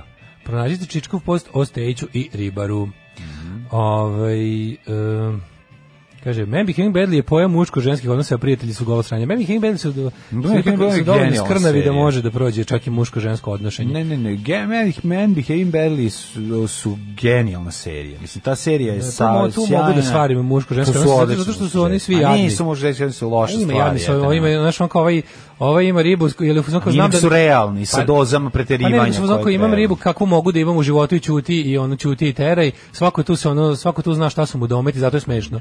Pa naravno. A jedino siroti Toni misli da može iznad svoje lige, pa pokušava, zato je smešno. Pa ovaj dobro, e, mislim da je to znači nisu problem muško-ženski odnosi, problem je kako je postavljeno. Ako je postavljeno ove, ovaj, na način na, na, na stereotipa, onda to, ali tako da se ne da se igra sa stereotipima, nego da je to kao normalna stvar, onda to nervira. Mislim, okay. Kakva čast poginuti od takve bombe. Mm. Ove, ovaj, e, mladene, da vidimo mi rođendane. On gurno baću kad je vidio bombu da pada. Isku, pokrio se baćom. da, da, da, da baćo. Znači, on njemu kome danas je rođendan. Ajde. Uh, Giacomo Leopardi, čuveni ovaj, italijanski leopard, italijanski leopard, filozof... Uh, Najpoznatiji divni mačur Italije. Jeste, esejsta i filolog. Inače, papa, ovaj papa Franjo, papa Franjo je papa od 13. marta 2013. Da, evo, ko bi to rekao? Pa ja mislim stvarno da nema 5 godina, mm. da me mm. neko pita, ja bih rekao, e, recimo 2016. godine, tako, 2016. To, je to bi rekao. A on papu je... Dosta toga, i Novog Vinevuju je već duže vreme. Da, da, da. Pa zatim, na današnji dan rodio se i Pedro Juan Caballero, paragvajski političaro. Caballero, Caballero, Caballero, Figaro, Magnifico je pevač Slovenije. 1877. rođen je Petar Kočić, da. Pe, srpski književnik i političar, velika faca. Da, da ga se čita, rođen u selu Stričići na Zmijenju, na planini Manjači kod Banja Luki, mm u današnjoj Republici Srpskoj. Pupci Srpkoj, Bosna i Hercegovina. Sjajan Petar e, Kočić. E, dobri Petar Kočić da se sve njega pročita mm. rijedom. E, 1879. Aleksandar Cankov, bugarski političar. 1900. Antoine de Saint-Exupéry, francuski književnik i pilot. Koji jebeš mi sve na ovoj slici izgleda kao znači, pa da. Sindra Gunn. Znači, znaš kako Sindra? Sindra. Ne možeš da veruješ. Znači, na ovoj slici koju ja imam ovdje, kad stavim mog malog miša i... On, pa on ima tu jednu jedinu fotografiju, ne znam da ima pa, više. verovatno, da. Pa je, njegov... Aleksandar Cankov, političar Ivan Kuhar. Čovreče, pa nemoj tako preći preko njega. Ne, ne, Robert Schumann, to su sve pre ovog de Saint-Exupéry. Nemam. Je autor jedne od najiritantnijih knjiga na svetu, Mali princ. Joj, sad reći ti Mali princ sranje, pa će nam sviće. Da odlučio sam danas da, da nas rastavim na nulu ostajemo bez Danas je dan kada, kada se svima zameramo. Znači, jednostavno toplo mi je i ne mogu se pretvaram da sam dobar čovjek. Da, da. Mrzim malog princa. Nemoj, ne možeš da mrziš malog princa, mislim, jeste, ok, nije bio baš nas naročito dobar novosadski bend, ali ne možeš mrzeti. Ja ne, razum, ja ne razumem šta je toliko dobro malo. Znaš zašto to je wow, kao treba wow. Malog princa treba pročitati u različitim uh, dekadama života. Mm -hmm. uh, ubite me. Ove, A ne, ali stvarno šta, šta ja šta pro, šta se šta se iz malog princa uči? Kao šta je zašto on tako je velik? Šta je šta je tu tako važno? Pa šta se uči? Uči se da će ovaj samo najstariji sin, ovaj mla, stariji princ biti kralj dok mladi princ ne dobije ništa. Mm. Šalim se, taj mali princ princ ovaj, eh, feudalnog tipa. A što se tiče da. ovog, ne znam šta se uče malog princa, iskreno ti kažem, ne, da ne, ne, znam više nervira, da obi... ne, ne znam više nervira mali princ ili te ilustracije ilustracije. Znaš šta ću ti reći, za tebe nervira? Tebi zbog ilustracije nervira. Moguće, moguće. Da. Nervira te pozicija na Saru Kej, a Sara Kej te nervirala. Ne, to su te bockave ilustracije koje mi idu na ovom stvaru. Na, da, na. tako da, e, ovaj, kako se zove, e- Egziperi, sreći ti rođen. 1914. Rafael Kubelik, kompozitor i dirigent češki češki E da moramo reći njega je oborio, da? njega je oborio neprijateljski avion, al tako za njega Jeste, prvo bio pilot, rata. da on je bio. Ima njegova knjižica na noćni let se zove, to je. Zotili su i ko je Garika, koji ga je oborio i sve to. Al da, prekasno, da, da. ovo ovaj već napisao malog princa. Da, treba malo ranije. Prekasno, da je ranije, da je pre, ja bih ga možda bih ga odlikovao. Možda bi da. pročitao pa išao da ga ubije. Mm, ne pa moguće, da neki da, književni kritičar. 1920. Meni, sad me zanima, kako je ta knjiga stekla tu veliku popularnost? Kako, znaš, ono kao, da li ona odmah čime napisana bila popularna? Da li je, ko je, je li to u hippie periodu otkriveno ponovo? Pretpostavljam da jeste, jel da? Nemam pojma. To je Garant 60 za ustavštine, neko našao tu knjigu i kao, wow, this is so deep. Ne, to je neko pečurkarstvo i marihuanstvo doprinalo tome, nema šanse da to neko trezvent proglasio za genijalno delo. Mi samo cepamo, ovaj mi mi deca sa čokolad vrat 300. 300. Znaš da, da znaš da, da, da. tokom ono te je kao hippie otkrivena gomila tih kao stvari koji su bili kao wow, wow. Na. Na današnji dan rođen Vasko Popa. Treba pročitati malog princa ponovo pa da bi mogli da kritiku. A jebote, mogu si za vrijeme on ima imaš pa tačno. Pa mogu sve pesme, pa dve mislim, pesme pa eto pročitaćemo. Uh, e, Ray Harryhausen, američki filmski umjetnik, te Oskarovac Vasko Popa 22. godište, pa Vasko Oriana Popa, Falači, mm, italijanska novinarka i spisateljica, pa mm. Mirko Šouc, srpski džez muzičar, kompozitor i dirigent. Da li znaš tko je rođen 51. Znaš 39. 39. rođen je Armadilo, uh, e, brazilski fudbaler i uh, oklopnik. Armadillo, šalim se, nije zove se Amarildo.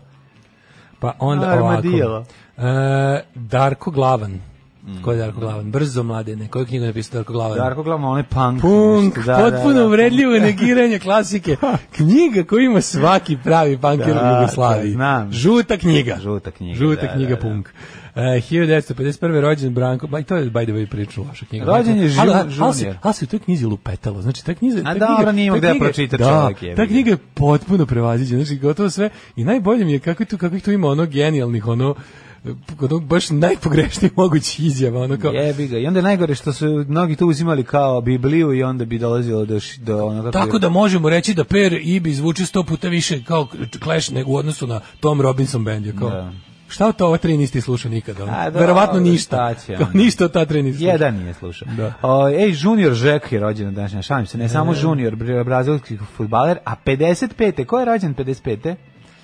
Borica Zruntlik. Tako je, Zorica Bruce Lee, srpska pevačica. Naša rozokosa. Jugoslovenska pevačica i ne, nesuđena ministarka u... A tebe nema.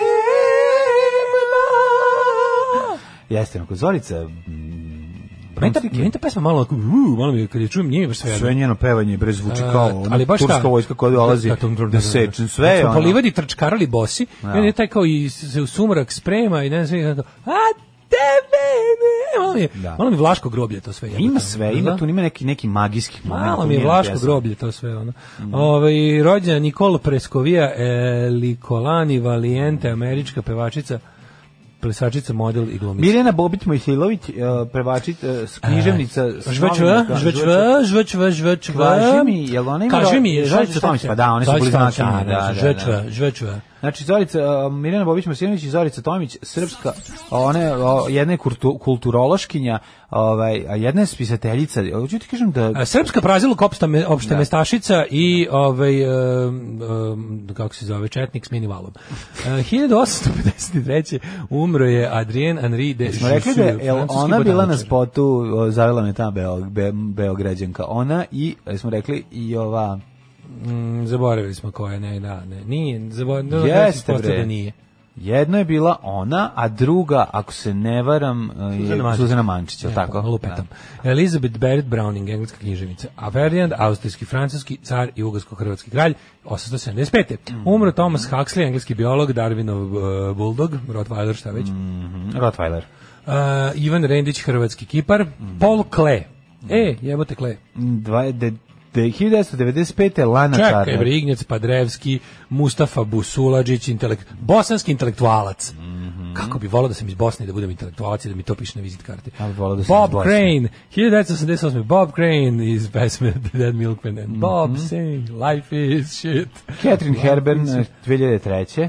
95. Lana Turner, A -a. Vittorio Gassman, pa onda ovaj umrla Catherine Hepburn, to si mm. rekao. A 2015 Šuvar 2004. Tako, a 2015 umro je Jozef Masopust, češki fudbalski reprezentativac i trener. E, čuveni, čuveni Jožef Mažo. Čuvene Masopustove bebe, Masopustovi babe, klinci njegove tako babe. Tako je, i njegov suvi mogu list sada, koji je ubacivao. Mogu bi vam sada do sutra cvet. lagati o njemu.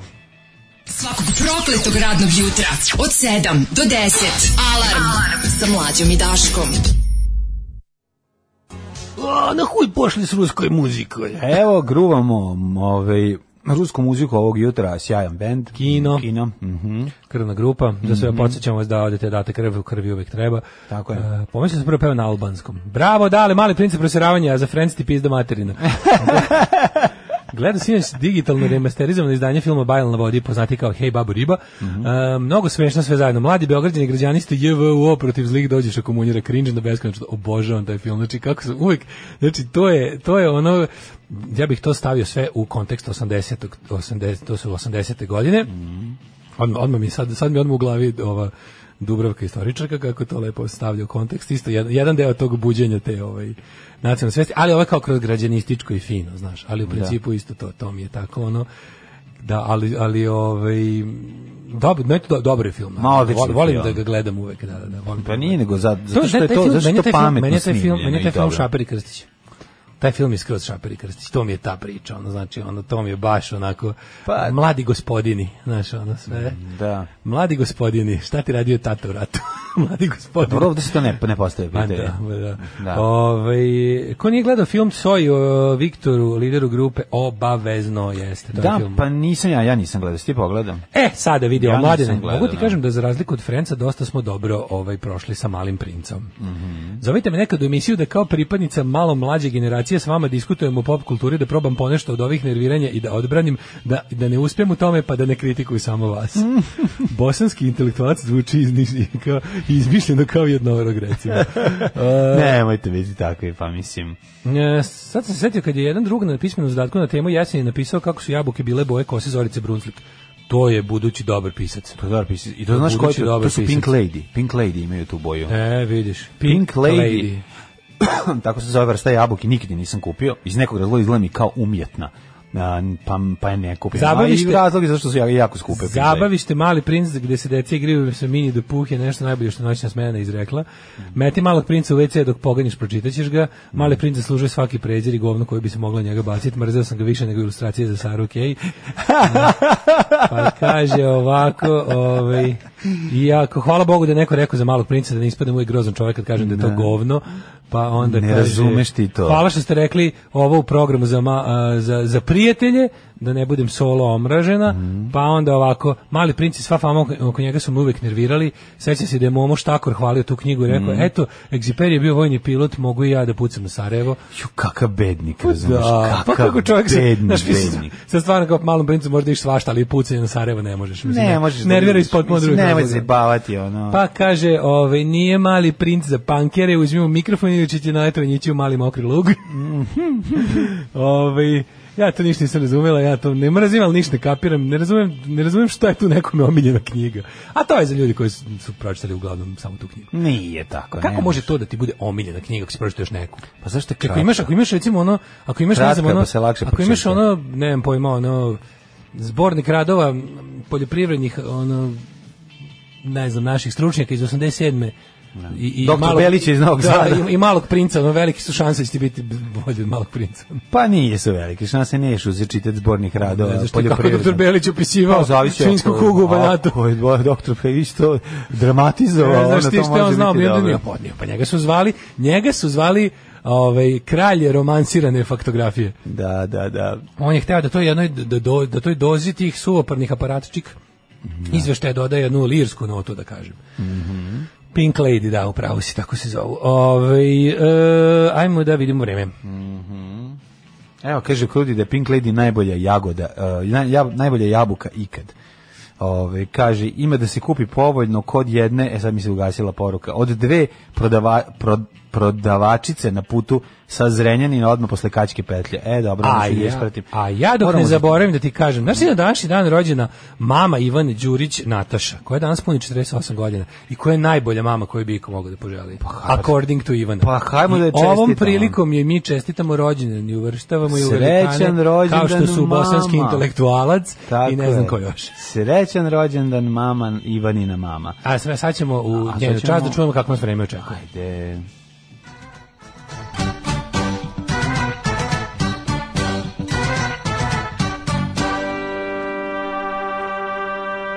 mrziš malog princa zato što mrziš i decu. to je sve zajedno pravo. Kaže, ako voliš Fuji, volećeš i Pink Lady. U, volim Fuji, majko moja. Pink Lady, kažem, uvijek su bile neke male. I ta, naran, ta, ta roza boja je bila mi je bila nekako ne, neprirodna roza, ali ovaj treba bi probati, apsolutno slažem se. Ne, ne, su spojene dve pesme grupe Pulp, She's a Lady i Pink Glove moguće. Ove, da vidimo mi vremenske prilike 25, 25, 26, 26, 25, 25, 23 od Palića do Loznice, Mitrovica 26, svuda je ovaj, vedrost prisutna i to izuzetna. Beograd 26 bio se na jednom izuzetnom putu, Kragujevac 25, Senerska palanka 25 i Veliko gradište 24, Crni vrh na 21 i tamo je toplotika. Negativno 25, Zlatiboru 23, Sjenica 14, Požega 20, Kraljevo 23, Koponik 19, Košumlija 22, Kruševac 24, Ćuprija 25, Šani 23, Leskovac 22, Zajče 20, Dimitrovgrad 23 i Vranje 20. I danas i sutra do 37, 40 stepeni, a onda ove, ovaj, će past neka kiša malo oladi do 30. I to vidim četvrtak, petak, subota, moguće su provale oblaka, ne znam, oblak provaljuje fazone, ne znam da znaš. E, provale oblaka, znači, da si... E, provale oblaka. Znaš da oblak dosta često prezime, recimo, u zapadnim republikama. I ja bi, znači, recimo, kad bi bio komičar... Oblak u gredu. Meni na plakatu bi pisalo, dođite, gledate provale oblaka. Svakog prokletog radnog jutra. Nema crnje generacije od vas. Vi ste debili klasični. Alarm sa mlađom i daškom. Alarm.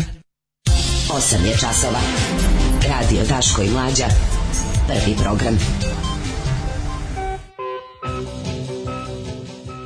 E, evo nas u 8.26 u drugom satu, u drugom satu hej, otvaramo novine, ne moramo ni da otvorimo novine, već da vidimo, evo. E, kaže, upravo mi prešla Jelena Bačić, Alimpić, teo da pitan kako ide knjiga. Ček, sve tri? E, Jeleviti, doktor Belić je zanimljiv, naročito opis kako je Mangulicu pretopio u Landrasa. Aha. Ali se malo zajebo, pa ostalo 10 cm leđin slanine. Ove, ovaj, pa onda ovako. E, svemirska palanka. svemirska palanka dobro zvuči. Ove, lepota malog princa Drivio i ono a u Piratu smo imali slastičanu koja se zvala tako, a mi vojaci smo je zvali mali pinc zbog Pinsgauera. Mm, Pinsgauer, da, je što da. je kratka, može se pročitati za moment, a računa se kao prava knjiga. Velika istina. Najbolja knjiga je Narodni lekar Vasi Pelagić. Imam odličnu, onu, onu naj... To baš dobro očuvano, kod, kod je juče iz štampari izašlo. Ono, ta stvar tom knjigom zajedno su jaklijom i pelapratovim na, e, velikim kuvarom možeš da ubiš ljude. Da, da. Ove, I enciklopedijom eforizama. Mislim, njom samo što čitaš, ne moraš da udaraš ljude. Mali princ je okej, okay, ali ilustracija što je svi crtaju po telu, onaj slon u šeširu koliko nervira. Da. Ovaj mali princ je to pričao Danilu. e, vlasnik firme u kojoj sam radio toliko volao malog princa da je firma elektronike i mernih uređaja nazvao Mikroprinc. Mm. E, Tom Sawyer, Robinson i Orlovi su sto u glavu za malog princa za početak. Pa, to sam ja govorio uvijek, mislim. To, to, A dobro, štapan je veći govena, ali mali princ je je imao sreći da niko da ga neko promoviše svima koji pročita tri knjige Mali princ je najbolje jer je svaka četvrta knjiga je bolja. Um, lomio bih prste vozačima električnih trotineta štakori na točkovima. A I beg to differ. Meni je električni trotinet nešto potpuno genijalno. Znači ne razumem mržnju prema električnim trotinetima. Kome smetaju električni trotineti i kako i zašto? Pa zašto jako velikom brzinom izleću ovaj na uslovno. Tebi kad je tebi uslovno skretanje, a on se odjednom pojavi u desi? Pa se plaše ljudi. Pa kad budeš vozio. To isto ljudi što ih vedeni ugrožavaju, tako? Pa ja ne mislim da je tako, ali s druge strane kada bi vozio trotinet verovatno bi rekao ovaj više vojte računa više ja bi samo kad bi samo kad bi samo nekako izmislili malo malo neku cool verziju. Nije isto kao vegani, to mislim nije isti način zato što samo evo, evo, evo apel, apel. Da Znači, električni strident je nešto potpuno genijalno. Podržavam ga 300%, ali nekako ja na tom izgledam stvarno kao slon. Ti izgledaš sve, moglo... na svom, po svakom prevoznom sredstvu dosta sočno. Nije na mom velikom biciklu izgledam dosta dobro. Pa ne. Zato što ima velike točke. Da, dosta, da, dok, ali... kad nisi u papučama i sile džiki, da. Pa dobro, nisi, ali hoću ti kažem, na onom običnom, na, recimo na običnom mountain bike-u izgledam kao slon. Ali na ne. ovome, na onom, na onom što sam, na ovom novom što imam sa velikim nije problem, to, nije točko je 28 cola. Znam, ali nije problem. Tu sam dobar. Ne razumeš, nije problem. Tu me pojede bicikl. Nije problem u biciklu, problem je u tebi. Kažem ti, problem je kada već ti tim papučama lubeničarskim, onda Ma bre, gasiš, mogu da budem obučen čemu Gasiš bicikl, pa ne izgleda cool, sad jebi ga, sad ja izvini. Da bi, vidi, da bi krupniji čovjek izgledao dobro na biciklu, bicikl mora bude krupan. To nema veze, tebi bicikl. Ajde, čizlan kao slon, onaj slonić. Nije, nije, nije, do, kod muharađe. Nije ti dobru liniju sa tim biciklom, sve, samo ti kažem, kad uzmeš, uzmi patike, uzmi majicu čestitu, kad staviš one naočare, možda prevariš. Ne. Možeš da prevariš. Ali ja šta da radim recimo sa trotinetem? Znači ja toliko volim. Pa ne da može izgled cool. Ne može, to je pravo. Zato to mora da se. Znaš kad može? To može da se sredi. Znaš ko recimo cool izgleda na trotinetu? Pa ti Mirš mršavi ljudi, uspešni ne ljudi. Ne samo to, ne samo to. Moraš da izgleda kao Mi da Mi neuspešni ljudi na trotinetu izgleda Mora da izgledaš kao IT-evac da bi dobro izgledao. A to ti kažem, ne kao IT-evac. Ma IT-evac kao vlasnik IT preduzeća. IT-evci izgledaju, ja se pretvaram IT-evca. Ali fore što, ne, ne, ne IT-evac. Znači ovi ovi uspešni ljudi s tankim nogama, da. što, znači oni dobro izgledaju. Pička i materina. Pička i materina ljudi. Mm, da. Tako zvane, znači iz, iz strane firme u staklene zgradi, oni izgledaju dobro i sve ribe izgledaju dobro na električnoj drutini. Ma odlično. Preslatke su sve. Sve, izgleda, sve ribe izgledaju ja, dobro, tačka. Dobro, ne da. mora. I, pogotovo kad je toplo. Da, naravno. Kad je toplo. Ali hoću ti kažem, kad bi samo mogli da napraviti neki trutinet, malo ne, ne znam šta treba da mu uradi. Pa imaš taj kul, onaj veliki. Koji? Što je izgleda Harley. Bio stavi. Pa, mislim, to, to, to, pa električni bicikl veliki ko da. Harley. Ne. A je, li ga ne znam šta Hoću trotinet, Znači, ista, sa istom ja moram da, da. kažem, da... najcool stvar na svetu je jedan točak na koji se čovjek popne i vozi se. To je posle 2000 to je teška budućnost, to je ja ne. Da, Znaš što morate bude jedan dildo u dupe to drugi ustima. Ne mora, točak jedan koji na koji stojiš. Znaš šta? Znam, sećam se, onaj drugi, onaj je drugačije izgleda. Da, tako da kad bi nešto Ali furi ne bez toga. Šta treba uraditi ovom običnom trotinu? Možda malo da mu se zadebljaju točkovi da bi mogli i mi ovaj kako manje uspešni ljudi da lepo izgledamo. Treći više struje da ga pokreće, pa će biti ja sam spreman, otpor. ja sam spreman i da platim ne, više. Treba. I da to da plat danak sam spreman da dam. Samo da ne izgledam tako da ne da ne izgledam kao invalid na njemu. Ne, moram ti kažem jednu stvar. Znači ti kad voziš bicikl ti izgledaš potpuno drugačije e, iz svoje perspektive, ti izgledaš sve potpuno drugačije. Tako da slobodno stani na trotinet, kupi ga električni i uživaju u vožnji, ako ti se sviđa zabole te dupe kako izgleda. Kaže u da Beču, da prolaziš pored staklene zgrade sa ogledalima ne gledaj gde vidiš kako Da. I to je to. Šta nekad sve takve zidaju? Pa nisu sve takve, jebi U Beču mi električni trotinec izgleda super kod nas, imajući vidu da košta bar kao plata u prodavnici, služi za isticanje socijalnih razlika. Dej, služi za isticanje socijalnih razlika, električni trotinec ima se kupa za 30.000, ono. Pa dobro, on ne ti, ovi malo budžetni, crni, nadrkani, što dobro izgledaju. Svi ti su, ti košti 1000 da evra. da kupiš solid 1000 evra. Nimaš za, za 400, imaš jako dobro. Imaš stvarno bre čoveče, ne šta ha, tačno hoćeš od električnog torteta. Pa ja ali baš da ističe socijalnih da budem... košta kao kao dobar mobilni jebote, ono, mislim, šta sad. Da. Sve u našoj zemlji, u našoj zemlji kad uđeš ono u pljesku, pljeskavičnicu, uzmeš jedan prilog koji se doplaćuje s istako socijalne razlike. Jebi kad smo da. jadni kad smo preko svake mere tužni ono. Ja, ne treba da gledati. Pa da. Mislim, to je ovaj, pameti. Ovaj hoću samo ti kažem da ja mislim da ljudi se zabrinu zbog vozača trotineta Kaže pljuvao se električne trotinete pre dve godine zaboraćeš malo kmice. Da. Nikad nisam pljuvao električne trotinete. Yes, yes. Nisam kad sam. Aj sad ćemo naći ispod. Pa ni sve rekao sam ih vozio u Beču pre 3 godine da tacam. ja nisam ni, ni puno vremena prošlo od kad sam čuo za električne električnu trotinetu kad sam ga probao. Nađite epizodu. To sam relativno brzo da za ja ne nalazi. I rekao sam da je super da ima tamo u Beču imaju varijantu da ga na telefon aktiviraš i plaćaš po pređenom ja kilometru moram da i kažem, moraš da ga ostaviš ja tako blizu neki puni. Ja moram da kažem jednu stvar vezanu za, za sve te ove, Odlično. novotarije električne. To je sve meni jako moćno. I bicikl električni, i trotinet, sve je super, sve je jako praktično i stvarno je moćno i ne treba, da, ne treba robovati starim pravilima. To kao kako treba da izgleda bi izgledao cool. To Dašku, Daško pravila zaboravite. Slobodno stanite na trotinete i vozite ih jedino kad se približavate, ja kad se približavate raskrsnici ja kao vozač vas molim da ne nagarite najbrže ako se prebacuje iz jednog svetla na drugo, nego da lagano, polako usporite, pogledate, možda je vas taj vozač nije u tom trenutku vidio, možda je mrtav ugao, možda ko zna šta, eto, zbog toga, pretpostavljam da je to razlog. Biće i tebi, slobodno biće i tebi skup sad kad ti skrešemo Patreon. A vozite, vozite, danas jebate dan kresanja Patreona, jebate, danas... Šta god kažemo pogrešimo, danas ništa tačno nismo rekli. Šta ti kažeš Ima dual motor da veći, dual motor veći točkovi košta 1000 više evra. E, ja ti a prelepi kažem, da. su. Da. Pa da. Pa da, viš. Znaš koji recimo bio jako dobar? Mi lepi ljudi moramo ih više plaćamo za svoju lepotu. Rog je imao preteran stari trotinet koji u SFRJ je predivan. Popularni romobil. Predivan trotinet veliki ta, na takav natakariti ovaj električni motor i to bi bilo ja, savršeno. Slušaj ovo. Ta izgleda jako kaže, dobro. Kaže dođi do da obnoviš gradivo novi lajm u Beču, deblji veći točkovi, deblja prednja osovina, šire gazište, deblji zglob, bombonica. Je pa dođi, doći doći kad se raspustimo, moram da doći u Beč, pa ću da se troti, tam. Pa vozi se po Beču, e, prijatelju, dale. Kad krenem da obilazim staze mog detinjstva, a u drugom satu, u drugom Tamo satu, gde, hej, u drugom satu ćemo da vidimo kako... Ove... Ovaj, moramo, moramo nastava kog... Naš predsjednik, e, vidi, Ima, ima na svetu gorih predsjednika, ali bednih nema. Ne, jadnih da, jadnih nema. Na, da, mislim stvarno je, ono to to ćemo posebno. Nego sam htio samo da vam kažem da ukoliko planirate da kupite bicikl, a želite da ga uzmete, možete da ovaj učestvujete u, u jednoj aukciji. Vozi dale sad nisi krupom, sad si mršavku. Tako je a ovaj naš drug Slaviša ovaj njegova lepša polovina su odlučili da, da, dodele da ovaj na aukciji prodaju jedan bicikl za potrebe leš, lečenja mladog novosiđana Buš, Boška Guglete koji boluje od spinalne mišićne atrofije, tako da ovaj, početna cena je 2000, sad je stiglo do 9000 idite na Slavišin Facebook i ovaj, pogledajte, ako vas zanima jako lep ženski bicikl možete da bidujete pa da vidimo dok koliko će love da ovaj uleti za lečenje mladog novosađanina, a mi ćemo sad slušamo o, novu stvar od korala koju jako volimo, a posle toga i Viagra boji se koju takođe. Ti crveni korali. je stigla penzija? Stigla je. Ne možemo mi od toga živati. Alarm svakog radnog jutra od 7 do 10. Viagra Boys i sjajni, pre toga predivni koral i tako to je neko naše jutro ovog 29. juna. A kako ste vi, dragi usamljenici? S obzirom što je sve Daško na priču u posljednjih pola sata, pauza će vam dobro doći da slušaoci ovo sve zaborave. Definitivno treba po da gledamo genijalni izvun za prevoz Mr. Garrisona. Mm -hmm. Krajski apartman smije novi spot sa za, uh, e, ko je Vačpe novi? Ko, ko, ko je novi Vačpe? Ko je novi Vačpe kraljevskog apartmana? Oj, zovu sve sa motorima da dođu. Trebaju kao ono... Pozivaju se svi motori. Extras wanted. Pozivaju Daško, idi trotinetom.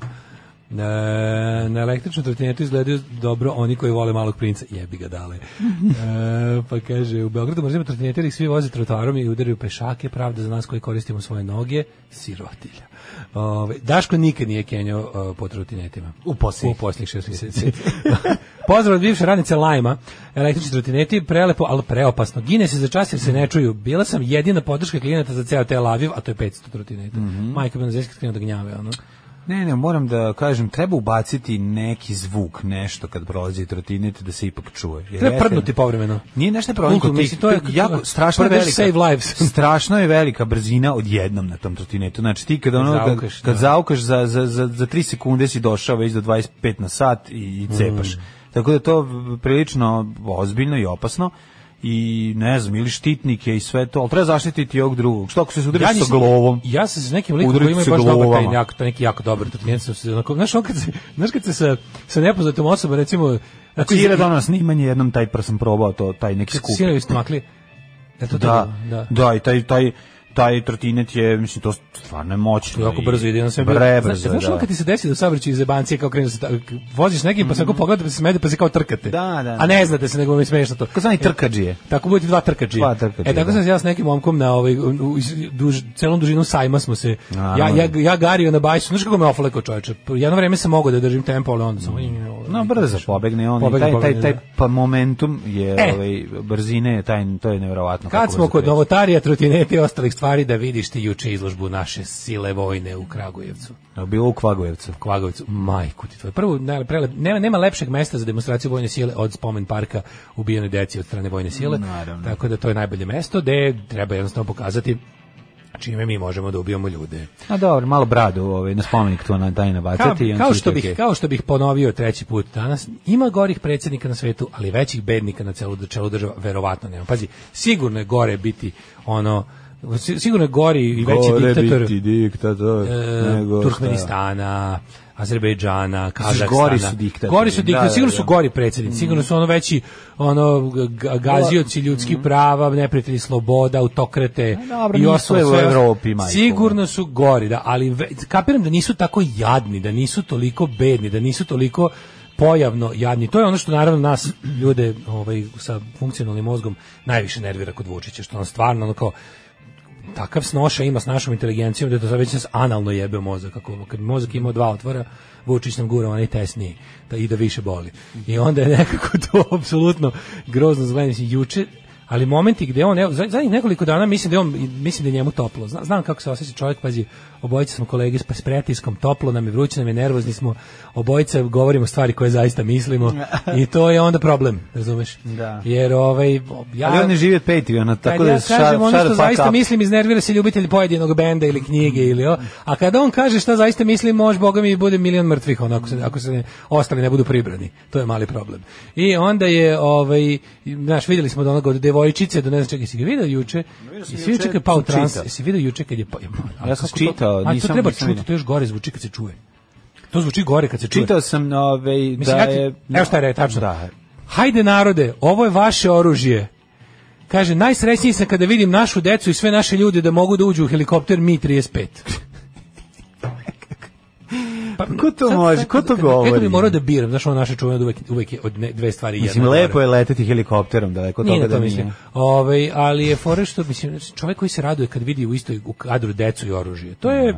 kako ti kažem, to ako nije ono afrički lokalni warlord ono koji ubija radnike ono Ujedinjenih nacija koji dolaze da vakcinišu decu, onda ne znam stvarno šta tačno šta može, ko drugi to može da izjavi. Ja. Da. Nego je ovaj meni tu nekako kako da ti kažem, mislim Znaš, mi uvijek imamo ono naše, uvijek je jedno bolje, jedno gore. Kad trebate mm. ubiju, biraj, jebi ga metak umjesto se satare. Ono. Mm.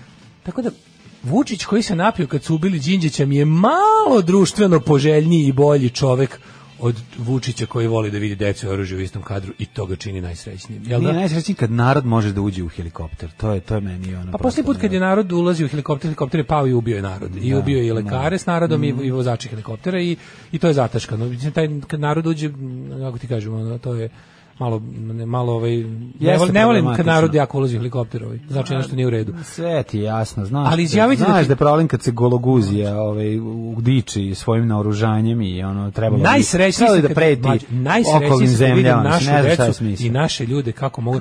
Hajde narode, ovo je vaše oružje. Šešelj kod kuće kaže: "Ujebem ti život, molim da menjam moj doktorat." u vučičistički koncept nauženog navoda. Da, da. Znači, marksistički koncept nauženog navoda sam pa, pa, zabavio i imam bolji koncept, Ali... vučičistički to mislim e, ta njegova ovaj jedinč taj taj helikopter to je isti helikopter koji je pao je tako mislim ista marka ili ne A, ne, ne, on je, on je mi, ne? pao je Mi 24. Mi 24, jesno, ja, ovi su moderniji malo. Ovi, kad vidim njih i, i te helikoptere vojne, osetim se tog nemilog događaja, pa mi je ono dodatno neprijatno, ali znaš kao, ti znaš tu koliko smo mi zapravo siromašni i koliko je ovaj, jednoj zemlji kao što je Srbija potpuno nepotrebna ovakva ono svadba sa ono najteškim naoružanjem ano, budi i ono maljene, znaš kako demokratska zemlja vojnih parada pa da da, da. ja mogu da navedem samo jednu zbog tradicije stare da. francuska za dan Bastilje Da. Znači, Francuska za dan Bastilje ima vojnu paradu i to je tako neka eto, jedinstvena tradicija u kojoj ne, demokratskoj zemlji još vojnu paradu. nepotrebno bacanje ono to je, To je, to je da. nespojivo. Da. Znači, znači koliko je love ispucano. Zamisli koliko je love ispucano. Vojska je najveći benefaktor kapitalizma, motor, generator savremenog kapitalizma. Vojni industrijski kompleks je, mislim, sve te, sve te liberalne demokratske zemlje koje nemaju vojne parade i te kako ono žive od vojne dominacije i od jake vojske i, i od saradnika ono privatnog sektora i, i voj, voj, i vojne uopšte celog ono tog mi bi mogli da spojimo dela moja ideja za sledeću godinu da se napravi vojna gej parada ali naravno to je to bilo nismo imali već tu ideju ranije kad je bila neka velika nek ne ljudi kažu da je vojna da je vojna već gej parada pa, to mnogi kažu u velikoj meri da, da ali da. ove policijska svakako da. ali kako radimo na, na, na dobrim batinama kad nas jednom dovete ono. Ne. O, ovaj, ali je ovaj um, sad ti te da reći, da li znaš i jednu, znači znaš kao pa evo na primjer Amerika nema vojne parade, razumeš, a to je najveća vojna sila na svetu. Znači imaš ono... Pa da- nemaš kad proda svoje oružje.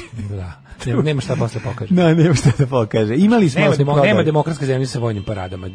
Jednostavno, postoje air shows, postoje te neke, ali to su, to nisu stvari, ove, ovaj, to, su, to su šta više i tako organizovane, učestvo u saradnji sa privatnim sektorom i komercijalnog su tipa. Znači, za te gun freaks u Americi ti imaš razne varijante prikazivanja ovaj, vojnog naružanja i oni to ladno naplate tim frikovima. To je izvor zarade i za da. kompanije koje proizvode oružje i za samu vojsku ali to da država organizuje takve stvari da će predsjednik da obuče skoro pa vojnu uniformu, to, to je sljedeći korak.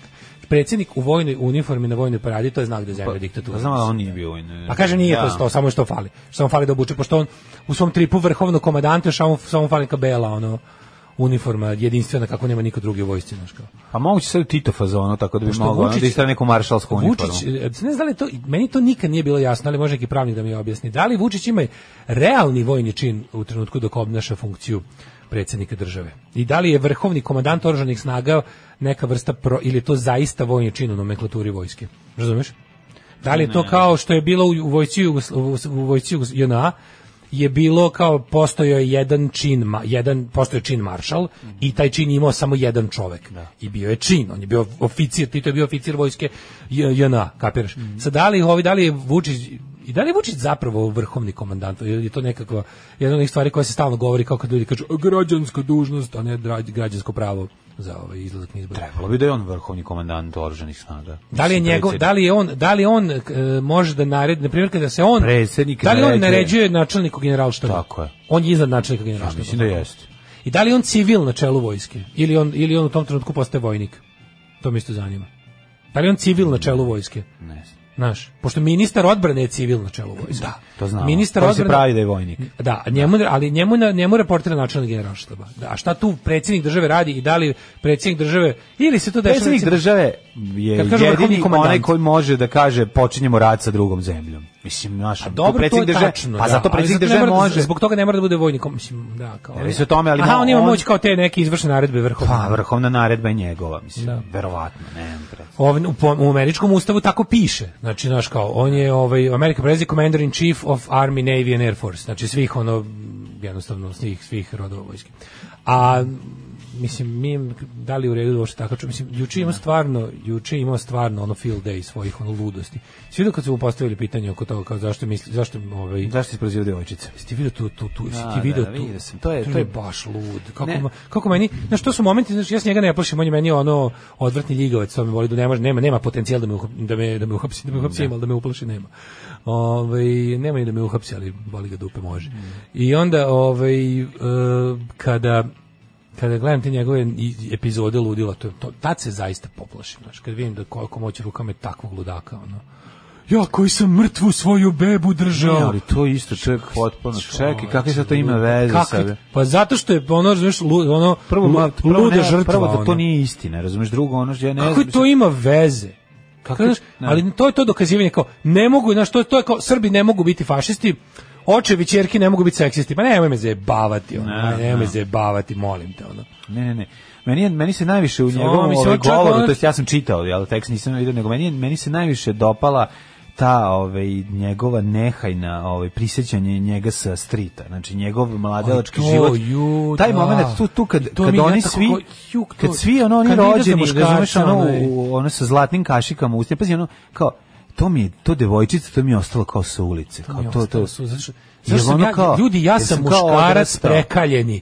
ljudi, ja znači, ne, ja sve ovo radim da bi, da bi fascinirao vođu navijača ne, koji nije teo da se druži sa mnom u osmom. Ne, ne razume. Do, udružio se kad doneseš hleb i ono sok od kuće, onda sedeo pored. Ja, ajde donesiš nešto. Ajde donesi još nešto. Ono. Ajde sad da mi držiš ruku dok se bodem. Znači, to su te fore i fazoni. Nego, taj moment, to je njegov devojčice, to je njemu slang. Sad, ovde je isto malo Dylan McKay kao iz perioda kad je on, znaš kako izgledalo kad je on bio mlad. Pa tad su nam najjadni. Pa ča, Čalet je direktor Keva urednica na televiziji, razumiješ, ti nisi ono iz nikakve... Ti si dete iz nam ono najviši crne buržuazije. Ti si dete iz crne buržuazije. I to ne onako, ne, on je već upper class, ne čak ni buržuazije, nego ono, bukvalno upravljački crvene klase. Da, don't fuck me, ne, onda si odjednom, si... od, u, formativnim godinama si otkrio četništvo i nacionalizam. Kao i najveći deo tvojih, pa generacije. Pa si onda se gurao da ti mesto nije da nikako ne pripadaš i kao to mi se ulica. Znaš da si to najbolje vidi. Baš se ulica primila na tebe. Oni snimak sa, uh, ona sa brda oko Sarajeva kad je došao kao onaj po, popišanko kod ti, ti vidiš da njemu zaista on se uplašio iskreno kao što bi se dete uplašilo ono da došao je tu razumeš može tu da, može, ono, može, može da rok nešto a može da, nešto da, da realno može da se vrati ono nazad ide ono ti vidiš u stvari znaš ti znaš da je on ono odrastao u jednom ono potpuno uređeno, zaštićen, porodici, bre, zaštićen mega. Zaštićen, daleko privilegovano dete. Tako je. Gurao se, znači bio ono, fali mi muškarstva, u, fali mi mm. muškosti u životu. Već ti kažem ti, kandidat za muškarci, svi ti ljudi oko njega u vrhu samom. E sad što je fora? Što se Srpska napredna stranka u samom vrhu ima takve debilčiće, a okolo ide ono 200.000 pravih ono uličarskih da, batinaša, sadista da. i ubica. I zato je to super i on i onda jebi ga, znači pošto ipak um caruje snaga klade čak i u SNS-u. Mm -hmm. Onda on lepo ima taj zid od taj, tih svojih ono povređivača i ubica koji nam ono i kad on kaže ja sam ono vođa navijača, ima danas svi da verujemo da je vođa navijača. Što se izvinite, meni to ostalo s ulici i meni ga još država, ko je država mrtvo dete, nema da znaš on kao molim te jebote, ono smiri se ono ludaku. Ko, ko je ikad držao svoje mrtvo dete u Srbiji? Daj, kažu ti ono, ono Dil se ono nije nešto bilo kako treba, gospodine, ono izvinite, desilo se to i to, ono dete, dete nije živo. Razumeš, nego on mora, on uvijek mora znači ono ti njegovi ludački, kao što uživa, kao što uživa da prepričava uvrede, onda te neke stvari. Znaš, to je, to je meni takva patologija. Razumiješ? Yes, to je nešto njemu čovječe, nešto kad dete otkrije psovke, e, on sa 50 godina uživa, da kao, i onda, ja su rekli, ja su rekli mojoj divnoj koleginici da puši kurac, da, da puši masne debele kurčine, su rekli ovome, su rekli da jede smrdljiva govna iz kojih vire ljuska od paradajza. Znaš, on stvarno mora da uživa u tome, da nam objasni. Kako, jel meni često govore da bi me, pa onda tako nešto Mel Gibson moment. Da, da, da, da, bi da, priključili da. brade, bradevice na akumulator i sipali mi hlorovodonču kislinu kroz anus was Dok mi pacov gritska mošnice. Da, da, da, ima imate... imate te. ima svoje ono uživo ludačke, da, da, da. Izgovaranje toga ne pa uživo u izgovaranju. Da, da, ali to da. nije, al to nije to to namenski radi. To namenski to smo skontali da. kad je bilo ovo vezano za mlevenje ljudi. Da, to je isto to, to ne on to namenski to radi. proveri, što stvarno zgražava, uh, postavlja norme normative, razumeš ono, znači novo, sve no, da, da, da, stavlja novo, normalno da, u onom i time zapravo oblikuje ljude i znači objašnjavam im kako je sve odvratno i užasno zapravo normalno i da shvate shvate da svoj život u takvoj atmosferi to zapravo normalno To je sve bilo pogrešno, sve. Znači, jebena gologuzija, zemlja u kojoj ono u istom danu eksplodira blok ove, kako se zove, termoelektrane, da svakom, znači, ono, sve nam se bre raspada, sve nam se raspada. Oni mogu da prave te neke stvari koje kao da, da nas fasciniraju, kao, evo vam, hilja, da. evo vam 30 km autoputa za milijardu evra, pa bravo, svaka Evo 10 aviona koji su, evo, ono, 10 letećih kanti, da, ono. Da, da, da, 9. Evo, 10 letećih kovčega, ono. Evo vam, nešto, Vojnik koji je poginuo, znaš čega je poginuo vojnik na, na Pešteru? To, znaš, znaš čega je poginuo vojnik na Pešteru? Aktivirao se protivpožarni sistem u razjebanom jednom od tih vozila, razumeš, pošto nije dobro održavano i pošto verovatno ono mogu zamisliti u kakvom stanju, aktivirao se protivpožarni sistem koji ga je ugušio, ono, faktički. A oni su rekli da inače bio slabijeg zdravlja. Pa mislim dajte da porodici tog čoveka bar satisfakciju da je Mislim, ne može se herojski poginuti u vojsci Srbije, jebi ga tu u mogućnosti oduzeli 91. Ali ono kao, nek, bar ne kaže ono umre radi svoje dužnosti. Mislim, stvarno je grozno izgubiti život na vojnoj vežbi pritom izgubiti život na vojnoj vežbi zbog tako zbog zbog jadnosti vojske. Aktivirao da. se protiv Božje sistema unutar oklopnog vozila. kad se a trebalo da se uključi, ali se ne varam i jeste stvarno postupio herojski jer je ostale uspeo da izbaci napolje bez posledica, a on je fasovo najgore. Mislim i onda je ono i onda a vojska Srbije izda saopštenje da je kao zbog ne znam ono teški vremenski uslovi njegovo bilo bio ono narušenog zdravlja. Pa mislim jebem vater, baš stvarno ono. Ne, znaš, kao, dajte malo, ne, znaš. Nema toga, mislim, to, to, to ne postoji. Takozvani krizni PR je sramotan, ono, kao da, i sve što ne. Da. radi. To, da, znaš, e, da, da, se požuri, da se, da se odgovornost odbaci od onog ko je zaista odgovoran, to je, mislim, to bukvalno, da, mislim, mi imamo tu olimpijske medalje u brzini toga. Tri dupla viskija. Možete Valentine, Johnny Walker, Black Label, White Horse. Dupla, brate, nema da genera, tri dupla viskija. Alarm sa mlađom i Daškom. Tvrdo Kamamići u 9 sati i 4 minuta. Ove, ovaj, gledam sad neki dobar ove, ovaj, italijanski ratni film na YouTube. Uh, e, italijanski ratni film na YouTube. Da, da, to. Koji, koji drugosvetski ratni. Da, da. da. Jo, da. rado ide Italijanu vojnike 2. da, da, da. Mediteraneo. Koliko ložila e, pesma, oj. Ovaj. poželim da sam tajkun u zemljama trećeg sveta. Čekaj par poruka. Ajde, ajde. A, kad je Tuđman na vojnoj smotri čuveni ovaj, mimo hodobuko belo odelo, vojno sa 100 odličja, to je dan kada je zapad izolovao Hrvatsku. Jeste mm. tu dugo su bili posle u nemilosti. Uh, on je civil na čelu vojske, ustav mu daje pravo, čak i obavezu vršnog komandanta vojske. Uh, kaže, uključujem se opet u 9.15, ne mogu, majke mi. Apelujem još jednom da se barem jedan dan mesečno emisija emituje bez dnevno političkih tema. Može, ali to nije ovaj dan. Da. Ove, Vučić je živo u 45. bloku, naravno navija za zvezdu. Uh, on i ekipa su dolazili redovno na fight u blok 61 protiv grobara, iako sam ja zvezdaš, ali ti grobari su išli samo u osnovnu školu i svaki put se popio batine. Bio je vrlo upečatljiv kada bio batine, jer je bio najviši. Ja. I sad, iako je dobio batine, on se uvek redovno vraćao po još. E, to me plaši. Da, da, to imaš kod njega, znači imaš to njegovu želju, da, ono, tu, tu ludačku želju, da, da ne, ne odustaje, ne odustaje i on je jednostavno, ko zna kad je on zapravo zacrtao to da će da bude gospodar svega u zemlji, znaš. Ne znam, A takvu ne. želju možeš da imaš samo ako si kompleksaš. Mm. Mislim, ko drugi želi da kontroliše sve u jednoj zemlji, to je, to je, to je. Um, on sve vreme dokazuje Čaleturge ovaj drko kad je bio klinac. Zato je krenuo u navijaštvo, pa u nacionalistički zagrljaj kod tate Šešelja i sve ostalo. Psiho. Psihijatri su krivi što čute na sve ovo. Ali ljudi psihijatri ni ne mogu da reaguju. Mislim, psihijatri imaju obavezu da kako ti kažem da zaštite pacijenta on ako Vučić ima svog psihijatra od njega tek nećemo nikad ništa čuti kao što i treba da ne čujemo a drugo ne znam kako bi drugo ni on sad ne znam ni on uhapšen ili ne znam šta pa da se traži njegova procena ne mogu psihijatri to da rade psihijatri imaju obavezu da se ne bave ljudima kojim nisu došli kao pacijenti tako da nisu psihijatri krivi Ove, ovaj, malo je čudno kada neko mora da ispadne žrtvu u svakoj situaciji izuzetno je naporno kada taj neko na čelu države On je Crveni alarm je kada taj čovjek ne samo da izmišlja liniju sadašnjost ovaj, budućnost, već izmišlja i nedavnu prošlost, to je da se zabrineš. Mm. Da, on nema nikakvu obavezu prema stvarnosti, to je. Mm, da. I to, ta želja, mislim, znaš ti da on, on svugde i stalno šta god stalno i jedino priča samo o sebi i to iz pozicije čoveka kome je najteže. Jebote, nigde, nije bilo nigde. On to radi, na što je toliko jako kod njega da čak i kada ga ovi brifuju, kada ga, tren, kada ga treniraju za susrete sa, za, za ponašanje u inostranstvu i tamo to radi. Ono jedna stvar je interesantna, to je, zamisli sad, evo da zaboravimo da on nije predsjednik, da je da, on samo jedan običan čovjek mm. koji je pri tome i generacijski tvoj kao neki drugar. Mm. On bi bio onaj iz ekipe kod kog bi se povraćalo kad ovaj dolazi. Evo ga ovaj ginjavator, da, da, evo ga ovaj pa ono što mu ima mračan oblak iznad glave, što dolazi ono da sedi pored i ono, znaš kao, koji će ono čeka se moment kad će početi priča o sebi. Znači ono pa sad nije važno više. Najgore, je, a kad sam ja pa nije sad pričamo. Njega imaš, pričamo o hidroelektrani, vidi, njega se tačno vidi tačka preloma. Više nije važno. Zna se kakav je bio u detinjstvu, kakav je da. bio u rane mladosti. I zna se kada počinje, on je, on je, on je jednostavno pola, više od pola života sakupljao snagu da krene Razumeš? Da, Sakuplja snagu da krene. On nikad on nije bio naš, on je on, je, on se terao da bude taj lik ono kao prvo je dva, prvo je 20 godina identiteta 20 ozbiljno, godina razumeš. je meri ovo sam ja, ovo je svet, ovde sam slao, ja ovo ne znam, ja ovo znam, ovo mi dobro i da ovo mi ne ide dobro. Sve sa tom ludačkom željom da zavlada. Ne. Znaš, mislim normalno da se upoređuješ sa svetom, to svako radi, ono, sa, na, to je jednostavno to je u redu ali tako, tako nekako, znaš, taj, to, to namensko njegov, ti tačno vidiš da je on u životu imao taj ono, znaš, ono, keeping eyes on the prize. Nikad nije skidao pogled sa svoje glavne ideje, od kad je, od kad je smislio da je, znaš, menio. Čitajte Goebbelsove dnevnik, eto. To je sve što imam da kažem. Ove, ovaj, e, tačno je ovo što čovjek rekao za blok i za navijače. Pa, može, mhm. mi imamo naši ljudi, naši, naš ono, e, pite mog slušalca, on nikad ne laže, ja tako je kažem kad nešto pričam. Mm Ove, ovaj, šta imamo dalje, nakon što smo... E, da, izvini, još jedan moment je bio samo, da li znaš da su kobre, dabre kobre, mm -hmm. one ište čuvene što su spasle ovaj, Jeremića i ovog Gajića, da, Bojan da, Novakovića da, da. i Aleksića da ne dobiju od Vučića najneviđenije batine u istoriji.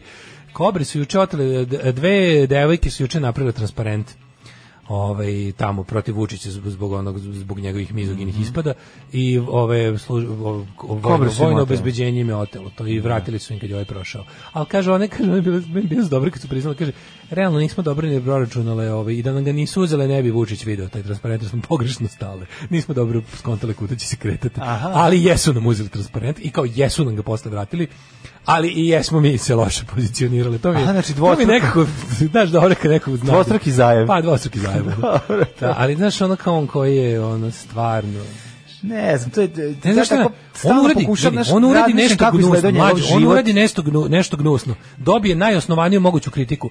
Način na koji on pobija te kritike je uvek ludački.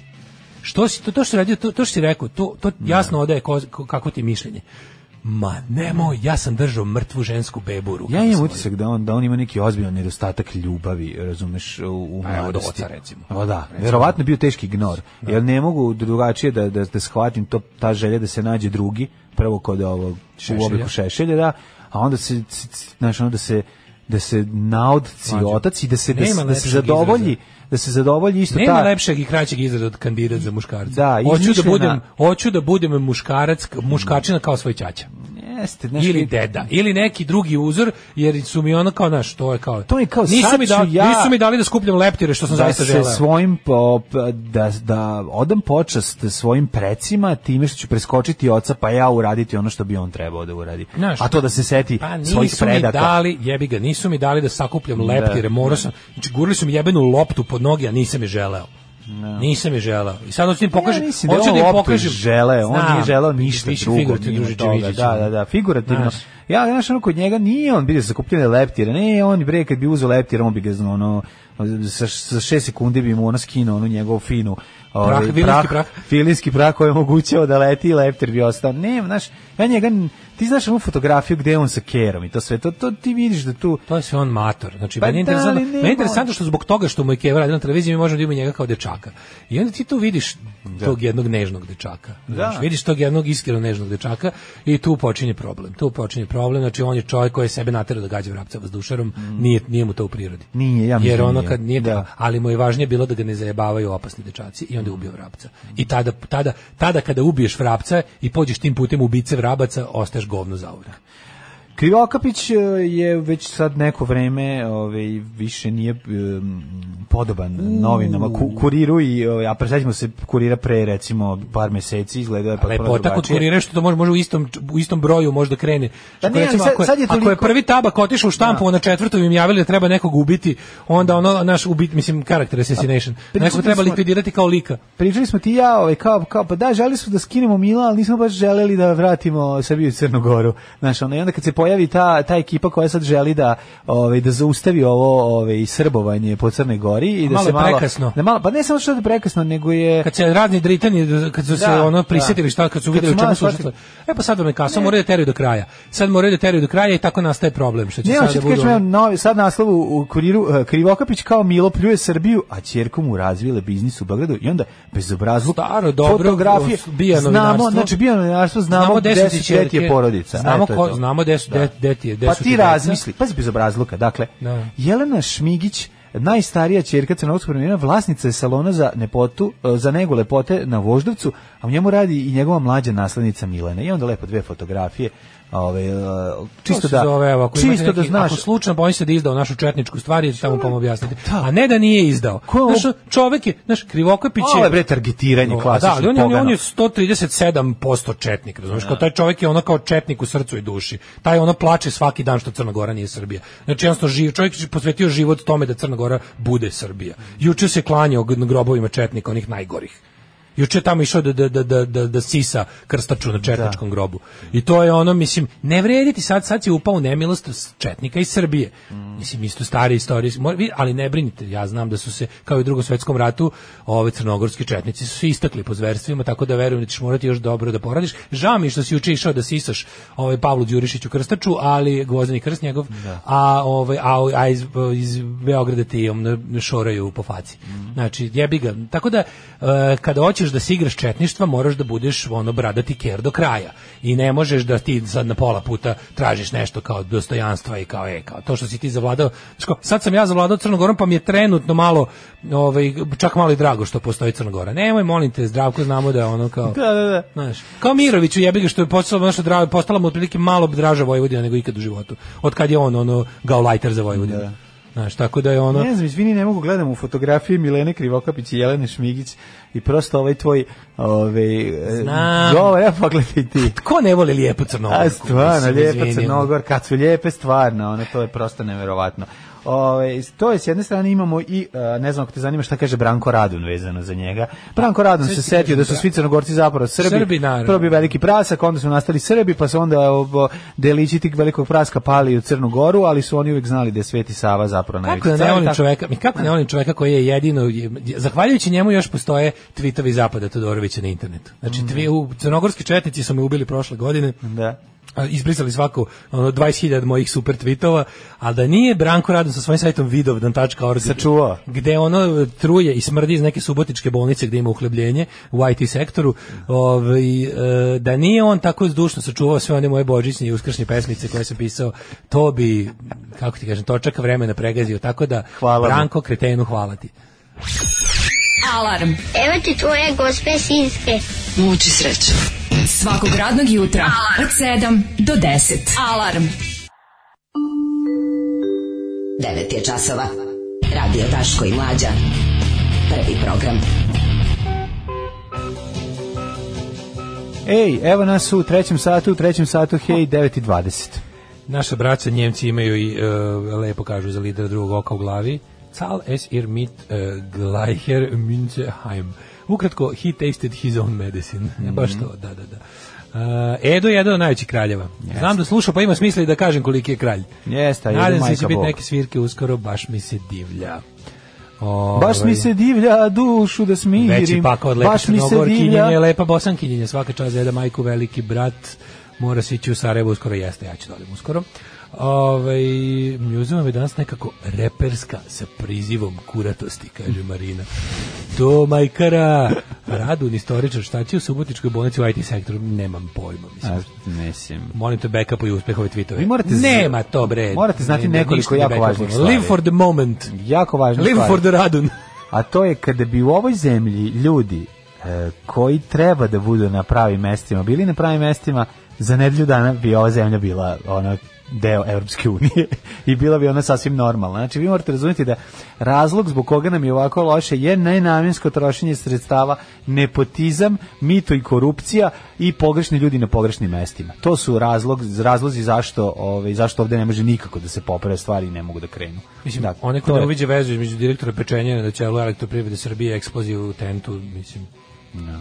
jednostavno, dobro, ona je bila eksplozija, ono je bilo nakupljenje pare koje se dešava to je koliko sam ja razumeo, ja kao, mislim, ja kao termo ja kao vlajih. ja kao termoelektranista amater znači ne znam kako se zove zanimanje koje se bavi time kao, kao termoelektrandžija ja kao ja, stari termoelektrandžijska stari termoelektrandžija amater mogu da vam kažem mislim to nešto taj sistem za hlađenje slađe hlađenje je zakazao za, za, za slađenje da. sistem da. za slađenje je zakazao i svi su ostali slani ne ali hoćete ti kažem da tu ne tu je nešto to moglo da bude mnogo gore al smo sreću su uspeli da valjda isključi da olade i da mm. da sanirali not good not terrible e, not, not great great, not terrible, da, da, da, tako je.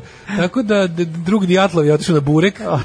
Da. Znaš je problem što je drug Dijatlov otišao na pečenje u pečenjeru kod druga direktora cela kavalerije. Da, nije bio tu u tom trenutku. Jebote, mislim, znaš kao, svaki dan struje, svaki dan vode kroz slavine je pobeda srpskog naroda nad, nje, nad vlašću. Mm?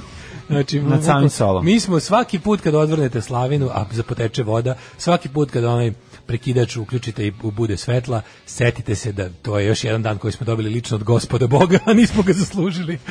so, mislim, pošto smo dali sve od sebe da, da voda ne teče i da, da. struja ne bude u žicama. U narednom satu ja bih teo ovaj, da se pososvim s obzirom da je vreme za letnje teme, da neki idu na more, neki na druge Uuu. vodene površine, Dale, otkrivena je najstarija žrtva ajkule, stara 3000 godina. Ja pa moram samo kreće tan tan tan tan. Ne, Zvini, nemojte da znam, da govoriš. A... Nemoj da krećeš da pjevaš e, numer iz filma ajkula. Vidi, vidi the bigger show što bi se reklo, može, ovaj. Može. Ali valjda ćemo stići. Mhm. Večeras mm -hmm. sam igrao domovina Švedska protiv Ukrajine. Ju, hoću da navijam. U, Švedska. Uh, Englezi protiv Švaba. Svi. Den. Znači ovako. A Engleska, Nemačka. A ja, ovo danas ja, je... ja navijam za Engleze protiv Nemačke. Kaže da juče bio tje uh, e, fudbal. Ja znači juče bio fudbalski dan. A drži se onog starog Everything Goes Against Germany Germany, samo da, što kod mene da. everything always against Serbia. A, ljudi, večera sam igrao domovina Švedska protiv Ukrajine. Ovo je to kvazi moje domovina da. u kojoj greškom nisam rođen i proveo sam samo 7 sati u, za, za života u njoj. Ja ću, Igra da. protiv mlade fašističke republike. Ja koja, imam Larsona. Je ovaj, ja imam dres Larsona kod kuće, obući ću ga, otvorit ću ovaj um, švedske čokolade koja je poslala Branka, posljednji onaj Lordax Goodies paket, Uzeću ove, ovaj, kako se zove one njihove um, pekmez i, i one kuglice mesne, to ne. napraviti na peći još nečeg švedskog, jednog girvasa, pristalicu i dvorištu. Full crnim dresovima protiv belih Engleza u belih. Užasno je bilo kad se Hrvati igrali u crnim dresovima. Ne, ne, to, to, to, mi, to mi toliko Englesku gledali. protiv Švaba i za Švedsku protiv Ukrajine, to je moj izbor večeras. Dakle, e, pobeđuje Ukrajina i Nemačka. Svi oh. den, svi den, svi den, sešću na svoj Ikea nameštaj. Koji gol Švajcaraca, Daško, ti se sinoć najviše svidio? Najviše mi se svidio drugi si gledao? Bio samo jedan, ispao sam glup, naravno. Nije bilo 3-3, jebate. Pa posle na kraju 5-3, zar ne? Da. Ove, ovaj, e, ste vidjeli kako žene na community navijaju sve sa razumevanjem, znači razumu se u futbol, pa to je show. Gotovo je, danas svi, zna, danas svi znaju da gledaju futbol. Nema, danas svi znaju da gledaju futbol.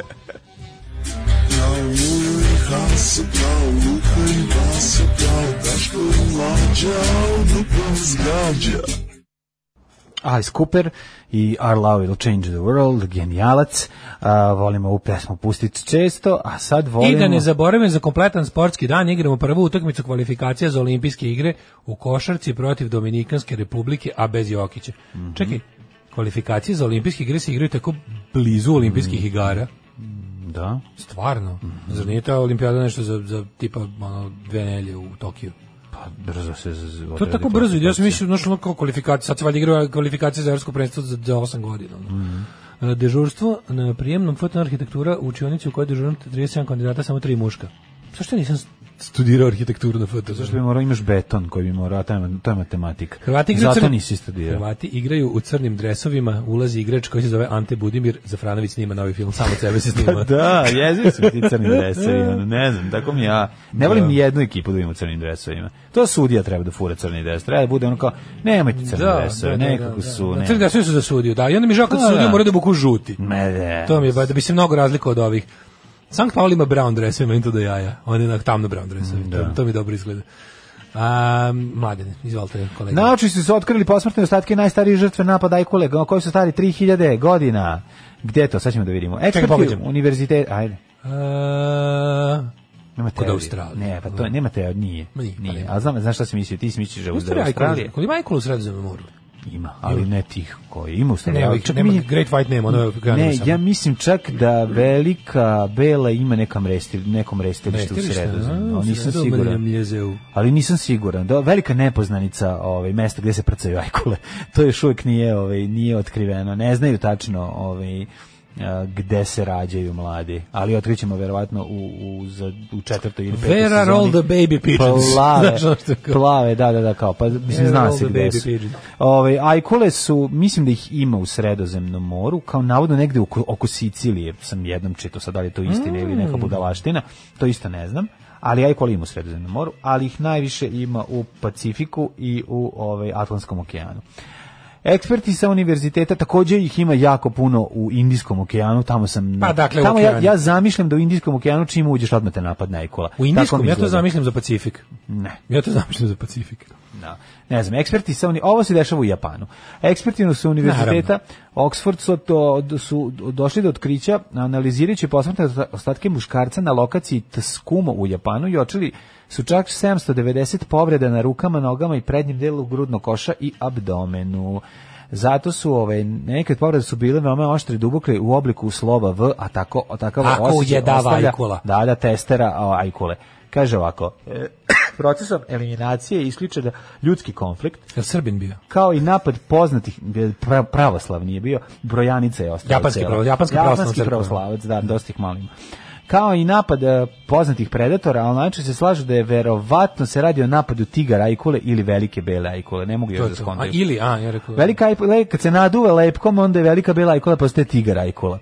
Kaže ovako, analizom... U našoj zemlji postoje još i trajal i Sava Ajkule. Naravno, analizom je utvrđeno da muškarac preminuo između 1700, 1370. i 1010. godine. A ne pre to prva, a pre Hrista. Pre Hrista odnosno pre, prvi ljudi. poznat, izvini, ovdje se govori prvi poznat, znači i nastupao je u jednom šovu, ovaj, pjevaju pesmu Ajkova sa ljudskim likom Adele bi prva, prva izvorna verzija na japanskom odnosno pre više od 3000 godina pre preneo. Kaže, naučnici su mapirali povrede 3D modela skeleta kako bi... Ne, on je išao, on je namerno išao da ga ujede ajkola. Gde ti ti gledaš? Gde on je išao namerno da ga ujede ajkola i onda odlazio i dobijao na sudu pare. Da, tužio toga, tužio grad. Tužio Japan. Tužio Japan. Opštinu Osaka. Da. Tužio da. opštinu Osaka. A Osaka suzama ne veruje. To je Koliko se sećam, u SFRJ bi trebalo da je negde oko Crikvenice bilo najviše. Bila ajkula. Da. bila najviše ajkula. Jeste, to su bile ove neke modre kako ste to zvali oni? Pas modrulj, ne znam. Dakle, to oni da, zovu da, da, da, kitopsine, to kad dođu ovo. Kitopsine. Šalim se, nisu, kitopsine su ove ve, kitajkole. A ove, ovo, su, ovo su bili obični A, to, morski modrulji, Jeste, da, oni to zovu morski, mi to zovemo morski, morski pas. Psa, da. Da, da, da, da, mi je biti opevan u pesmi mm. grupe Metak. A gde najviše na mhm. svetu strada ljudi od u Australiji?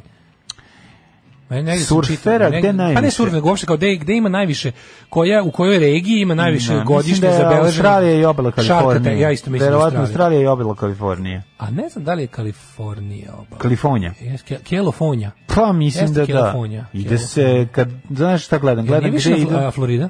Pa verovatno i tamo. Ja mislim Florida više od Kalifornije, iako je mm. Florida na na Atlantskom okeanu, a ovo je mm -hmm. na, na Pacifiku. Mm -hmm. Zato što, ovaj, i čak na Havajima isto tako. Na Tako je, da, ja mislim da ali, tu je Michael, da. Pa sad kad bi evo sad možemo otići da vidimo, kaže telo žrtve nakon Koliko napada sahranjeno. Ne zanima znači oni su njega, oni su njega napadnutog izvukli. Koliko prošle godine ljudi, da prošle godine i onda da. su ga sahranili nakon toga.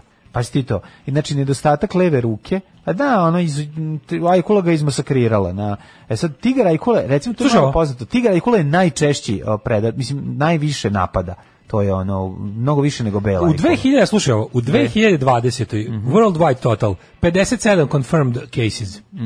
Mm znači to je Have there, have there been any shark attacks in 2020? Ljudi kao pomislili, pošto je pandemija, pa nema turizma, da, kao, da. ali uglavnom se ne dešavaju napadi, uh, ovaj, kako se zove, ajkula na turiste. To je uglavnom se na surfere koji žive tu gde i surfuju. Da, znači uglavnom malo ko je otišao negde daleko pa ga nap, znaš kao idem sad odem negde daleko na neko egzotično more pa me tamo napadne. Ja, to surferi. se skoro nikad ne dešava. Da. Uglavnom surfer, da, mislim da njih najviše napada jer oni odlaze mm -hmm. jel najdalje. U... Da, to je zbog toga što surf dasku i njegovo crno odelo zameni za foku, pošto je njima fokus su glavni plen jel da velike bele ajko. Opada, svaki Tako. put, ovo, to je, to je, to je, to na to neki stav. način tužno. To je jako tužno. Znači, ja, da volim, da vidim, ja volim mrtve ljude koji ono raskomadeni. Pa dobri raskomadeni, mislim, polako. zaslužili smo bar 100 godišnje. Krk nabože, meni ekstremni čovjek koji mrzi more. Da. Pa bi želeo da vidi više krvi na televiziji. Kaže long term trend in the US and Australia je opad, pad, pad, 33 incidenta. 90 90,5% pada. Sve je manje ajkula, ajkula koji jure, a u stvari na pokol ljudski žure. Ne, da, u stvari ne žure, da. Šta je u stvari? Nema, šta je uzrokovalo to? Pa, tu u ratu sa faunom, ko nas najviše mori? Nilski konji dalje. Misliš kao top 5 u... Pa kao ti koji su, kao, znam da otprilike najviše ljudi na svijetu ubije komarac, ja bi ga očevatinja, da, ali... Tako je. Tako da ne budemo sad pesnici, da ne bude to kao, znaš ko je zapravo najsmrtnosniji, ko je komarac. A zbog malarije. Ne, pa naravno, zbog da, ovi kada da. te baš mehanički ubije, to mislim. Jer to je... Ja, u Africi, dalje, u Africi ja mislim da najviše svetski, konja. Ja mislim da to svetski. Da je svetski rekorder ubica ljudi godišnje i da ih sve obavi naravno u Africi, uh, hipo. Ne znam da li je, da, znam da od tih, od, taj, od velike petorke afričke, A to su mm, Lav Dingo, ne, ne Dingo, Lav e, Bul Bul, ovaj kako se zove, mm, Bizon. Bivol, Bivol, nije Bizon, Bivol. Uh, e, Nosorog, Nosorog, nosorog, da, nosorog. Nosorog onda, pa ne, to govorimo lovci ih zovu velikih pet, to je ono kao pa, nikšnikov trofej. Trofeja. Pa to su njihov trofeja, ali ja govorimo ono. A, čekaj, da a onda je slon i koji još, neko još ostao. E, Nilski konj, tako je, tikve, sloni Nilski konj, to je to je velika petorka. Sad ćemo njemu deadlist. Da. da. Mislim, ja znam za veliku petorku s Južnog vetra koji su činili Kemal Malovčić, Dragana Mirković, e, Šemsa Suljaković, Mile Kitić i ko još fali, još jedan.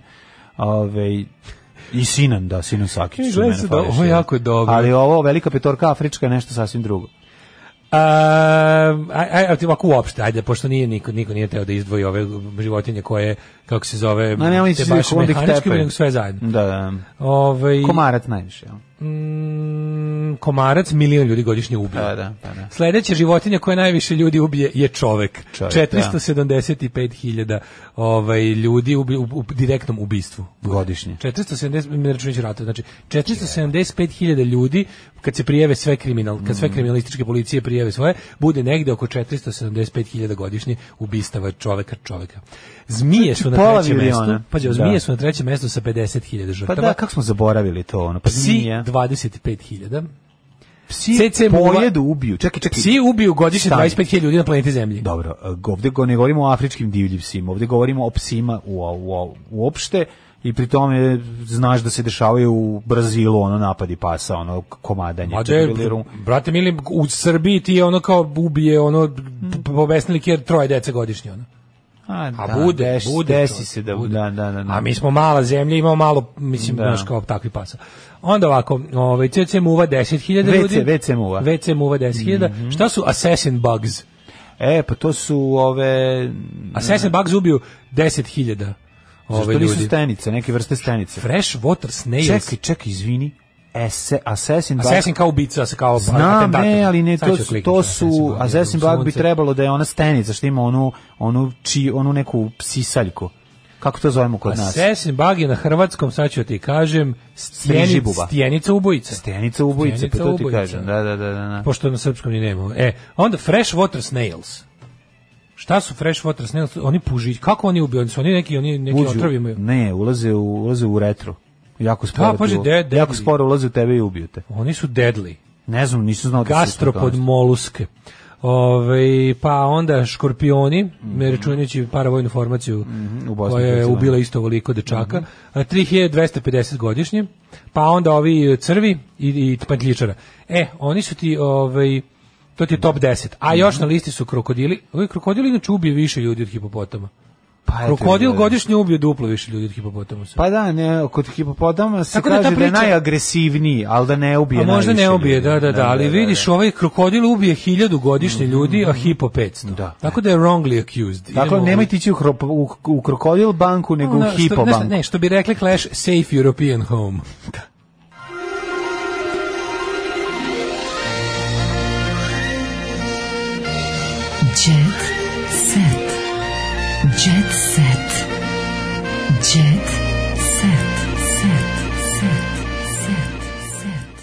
Ajde vidimo ko će od nas ih stradati od Ajkule možda, ako ode na more. Južnoafrička republika Ajkule, tamo A, je, pa, da, da, da, kažem, da, kaže da. u Durbanu, Južnoafrička republika u lokalnom mm. pomorskom muzeju gomila artefakta, pregrižene surferske daske, oglodane bove, najjezivije je ronilačko delo lika koji je preživeo napad izla kao da ga nije preživeo. Jo majko. Da. Pa da, tamo je velika bela caruje isto, pa potpuno smo zaboravili da ove, ovaj, kod eh, RT dobre ajkule ovaj tamo bude svašta. Idemo mi da vidimo šta ima u djecetu. Vukova majka zabranila Olji da dođe na svekrovu sahranu. Jako mi je dobro što tople ljudske priče ove, ovaj, uvek pogode i jet set, pa onda recimo kad umre Ćale od Vuka Moba, onda majka neće da zabranjuje njegovoj bivši ženi da dođe. I tako ima tih, tih lepih ljudskih priča gde se um, međusobni sukovi, sukobi stavljaju po strani kada je jedan ovako, jedan ovako tragedija porodična u pitanju. Da, to, to da, da, volim. Da, Možeš misliti kako je onda super kad mi se, e, hoćeš čuvati majka deca, e sad, pošto ti mene nisi pustila na sahranu, sad ti nećeš videti unuku narednih e, 40 tako. godina. I tako jedno drugo je lepo. E, deca su moja teretana, kaže Jelisavita Orašanin. Mm -hmm. Glumica priznaje da je stalno s nasljednicima Peterom Bogdanovićem, Petrom i Bogdanom, mm -hmm. te, da je od njih u dob... te da je zbog njih u dobroj formi. Ona otkriva da bez obzira što je posvećena majka, izlaske nije zapostavila. Mm -hmm. Ona je žena od eh, ovoga Raščanina, ja nemam pojma četa žena, ona od koga ona? Od Raščanina, izmišlja imena. Da, ona od, ja, ja mogu da sam djevam, ali nisam Teo. Pa od Teo, pa da, pa to ono, znaš ti da. nju ne znaš. Ona je kraljica onih vojnih akademija. A, ti to nikad nisi gledao.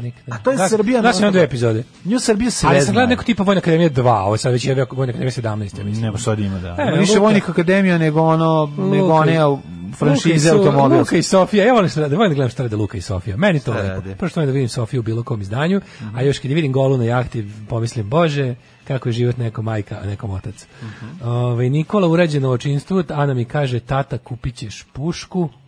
Matripolista ne krije da je posvećen otac ćerkama, pa se trudi da bude fleksibilan i isprati sve što pubertet nosi. Teraj do sina. Okteana ovaj- ima već či u pubertetu. Mm -hmm. Pevačica Ej. uhvatila prvi let posle finala Zvezda Granda. Viki sa porodicom uživa kod Cece na Kipru. Vi, Miki Viljković, oni su kume. Pa da. Ja to nisam Ja sam mislio da njoj Mira Škorić kuma. Ja sam mislio, mislio da je. Majke ne? Ali možda ima dve kume. Miki Viljković, pevačica voli da ugosti najbolje prijatelje, zato sada uživa sa Vikijem. Evo, došla je Viki Miljković, kaže ovako, Znaš odmah po završetku muzičkog takmičenja kako spakovala kofer i otišla. A zvala si Viki, a nećeš zvati ovu, kako se zove, ovaj, Ko su ove dve naše dve najveće Nekom kraljice? Nekom majka, nekom očuk pedofil. Da. Mogu bi ovako da se Zlata Petrović pozove i njena prijateljica i da one isto odu do da malo da se namočeju. E da se namoči malo u tom skupom Zavis. letovalištu kod Ceca. Ceca neće zove Zlatu Petrović, bez ono skrnaturi gajbu jebote. Pa to je Zlatu Petrović. Zlatu Petrović dolazi napije kao svinja, ona išao da se potrosio do ona. A ja na druga kako zove njena? Ona, uh, ona izlazi sa sa Indirom Radićem. Ne, sa Indirom Radićem, sa Indirom Gandić. Izlazi pred sa onom drugom, kako se zove Maj uh, Goca Božinovska. Bocom Božinovska. Ali ja mislim da su Goca, pa Goca i Ceca bi trebalo da su dobre. Pa to ti kažem, nešto mene zanima pošto to tamo je preko cijele godine da- zamisli, da, da, li ona, level, da li ona Airbnb je tu kuću mađu, zamisli do da Čekaj, level, da li ona Airbnb je tu ne, kuću ne, ima svoju kuću tamo pa znam da ima svoju kuću nego te da kažem da li je kada nije tamo ma, da li je iznajmljuje kakvi ne Pa daj svojim da koleginicama sa pa scene pa možda, da dođu. da, možda bi dali meni tebi kad bismo lepo zamolili da odemo jednom u martu. A pa nama ne bi dala, ali recimo da li ono Robert Čoban može od u svoj, kod svoje prijateljice u nemam pojma. Ma nisu ni on tako dobri, ali ovaj mo, mogu, mislim da bi... Da li Mladen mogu, Baron možda ode? Ne, onaj Sreten Mrtvac Radović. A ko? Ajde. Sreten Mrtvac Radović. Eto, Sreten Radović. Sreten Mrtvac da li Radović. Sreten ra može, da li Sreten On je dobar, on je oliže ono sve stvari po kući. Ono. Pa da li može Sreten Radović da ode ono rezamo u januaru? Kao sad nema nikog, ona ga zove. Može, može. Sretene, sad Krenu sa nema nikog, ono, tvoj najbolji najbolji, odborite najbolji fisting rekord. Probajte da gurnete ceo hidrant. ovaj da li znaš kao, sad nema nikoga, evo gledam baš jer sad nema nikoga, ja komšija što drka na vas, a nije tu. Da, idite da sad vi malo tamo našao i malo mi pospremite. Zamisli do level of kalašturity kad se, kad se nađe tamo Ceca Goca Burinovska, Zlata Petrić, Miki Viljković i ko je, ko je mogu da velika Zlata, Zlata Dom. Ko fali za peto mesto? A ne znam, a, Indira Radić može, zamislio bi ja. Čana, Čana. Čana. Čana donosi, dolazi do, Čana. donosi dve gajbe piva i ispod svake sise po jednu. Kako, kaže, čak sam dobro, čak sam dobro zamislio. Ne zamislio si Čana? Da, ovo Salieri režira. Ma, ja bi to voleo, znači da vidim. Malone dolazi da popravlja klimu. Otvara, Čanac zubima otvara pivo. Malone i mladi Roko dolaze da montiraju klimu. Ajmo. Zamisli to kako bi to da, bilo da, dobro. I cepaju zidara sve. Šta mi se tu femkate bre ono? Zamisli the level of calašturity. Pivo, pivo, pivo na vrućini, pa to nema ništa lepše. Kad ih pukne onda kreće skrnavljanje. I na kraju dolazi ko? kad su tako polu pijene, stiže Snežana Đurišić sa ginekologom Vanjom da pogleda, da pregleda dok su dopuštene. Pa to je Hoćemo seriju Kalašture. Da, odavno, Kalašture. odavno ste imali ideju. Da, bilo bi super da se da. snimi. To je kao serija, serija Kalašture, to nam fali. Serija Kalašture to gleda, čoveče. Kako ne gleda? Pa, pa gledaš svaki put. Ali da bude, zamisli serija o tim. Ne, treba da bude, da bude, da. Serija o tim baš ono tim tako tim ženturačama pa, pa srpskih krimosa. Ali to ti već ide na, na na na parovima. Tako da ne znam, znaš, ono, već, već imaš seriju Kalaštore u Ali moja bi bila porna verzija. A, pa znam da bi ti volao. Ja, da ja bi napravio bolje. Pa Aleksandra Na kraju dolazi Buba Miranović. Buba Miranović sa, sa plavom kosom. sa pravnucima. Ova, ali, znaš ko bi mogao da se pojavi? ne mogu, najgoru poruku smo zadobili, znači ne mogu, ono, ne mogu koliko je skrnava. Nemoj, nemoj, nemoj. Da ali dugo, znaš koliko želim da je pročitam. I moram je pročitati. odvratno, odvratno, nemoj. Aj, pustiš špicu, a ja preko kažem pa ko čuje, čuje. Ajde, ja ću govoriti nešto. Čana pa, jednog stavio pizdu, jednog šupaj zub. Strava. Oh, Tekst čitali Mladin Urdarević i Daško Milinović. Ton majstor Richard Merc. Realizacija Slavko Tatić. Urednik programa za mlade Donka Špiček. Alarms svakog radnog jutra od 7 do 10. Oh, you touch my tra-la-la.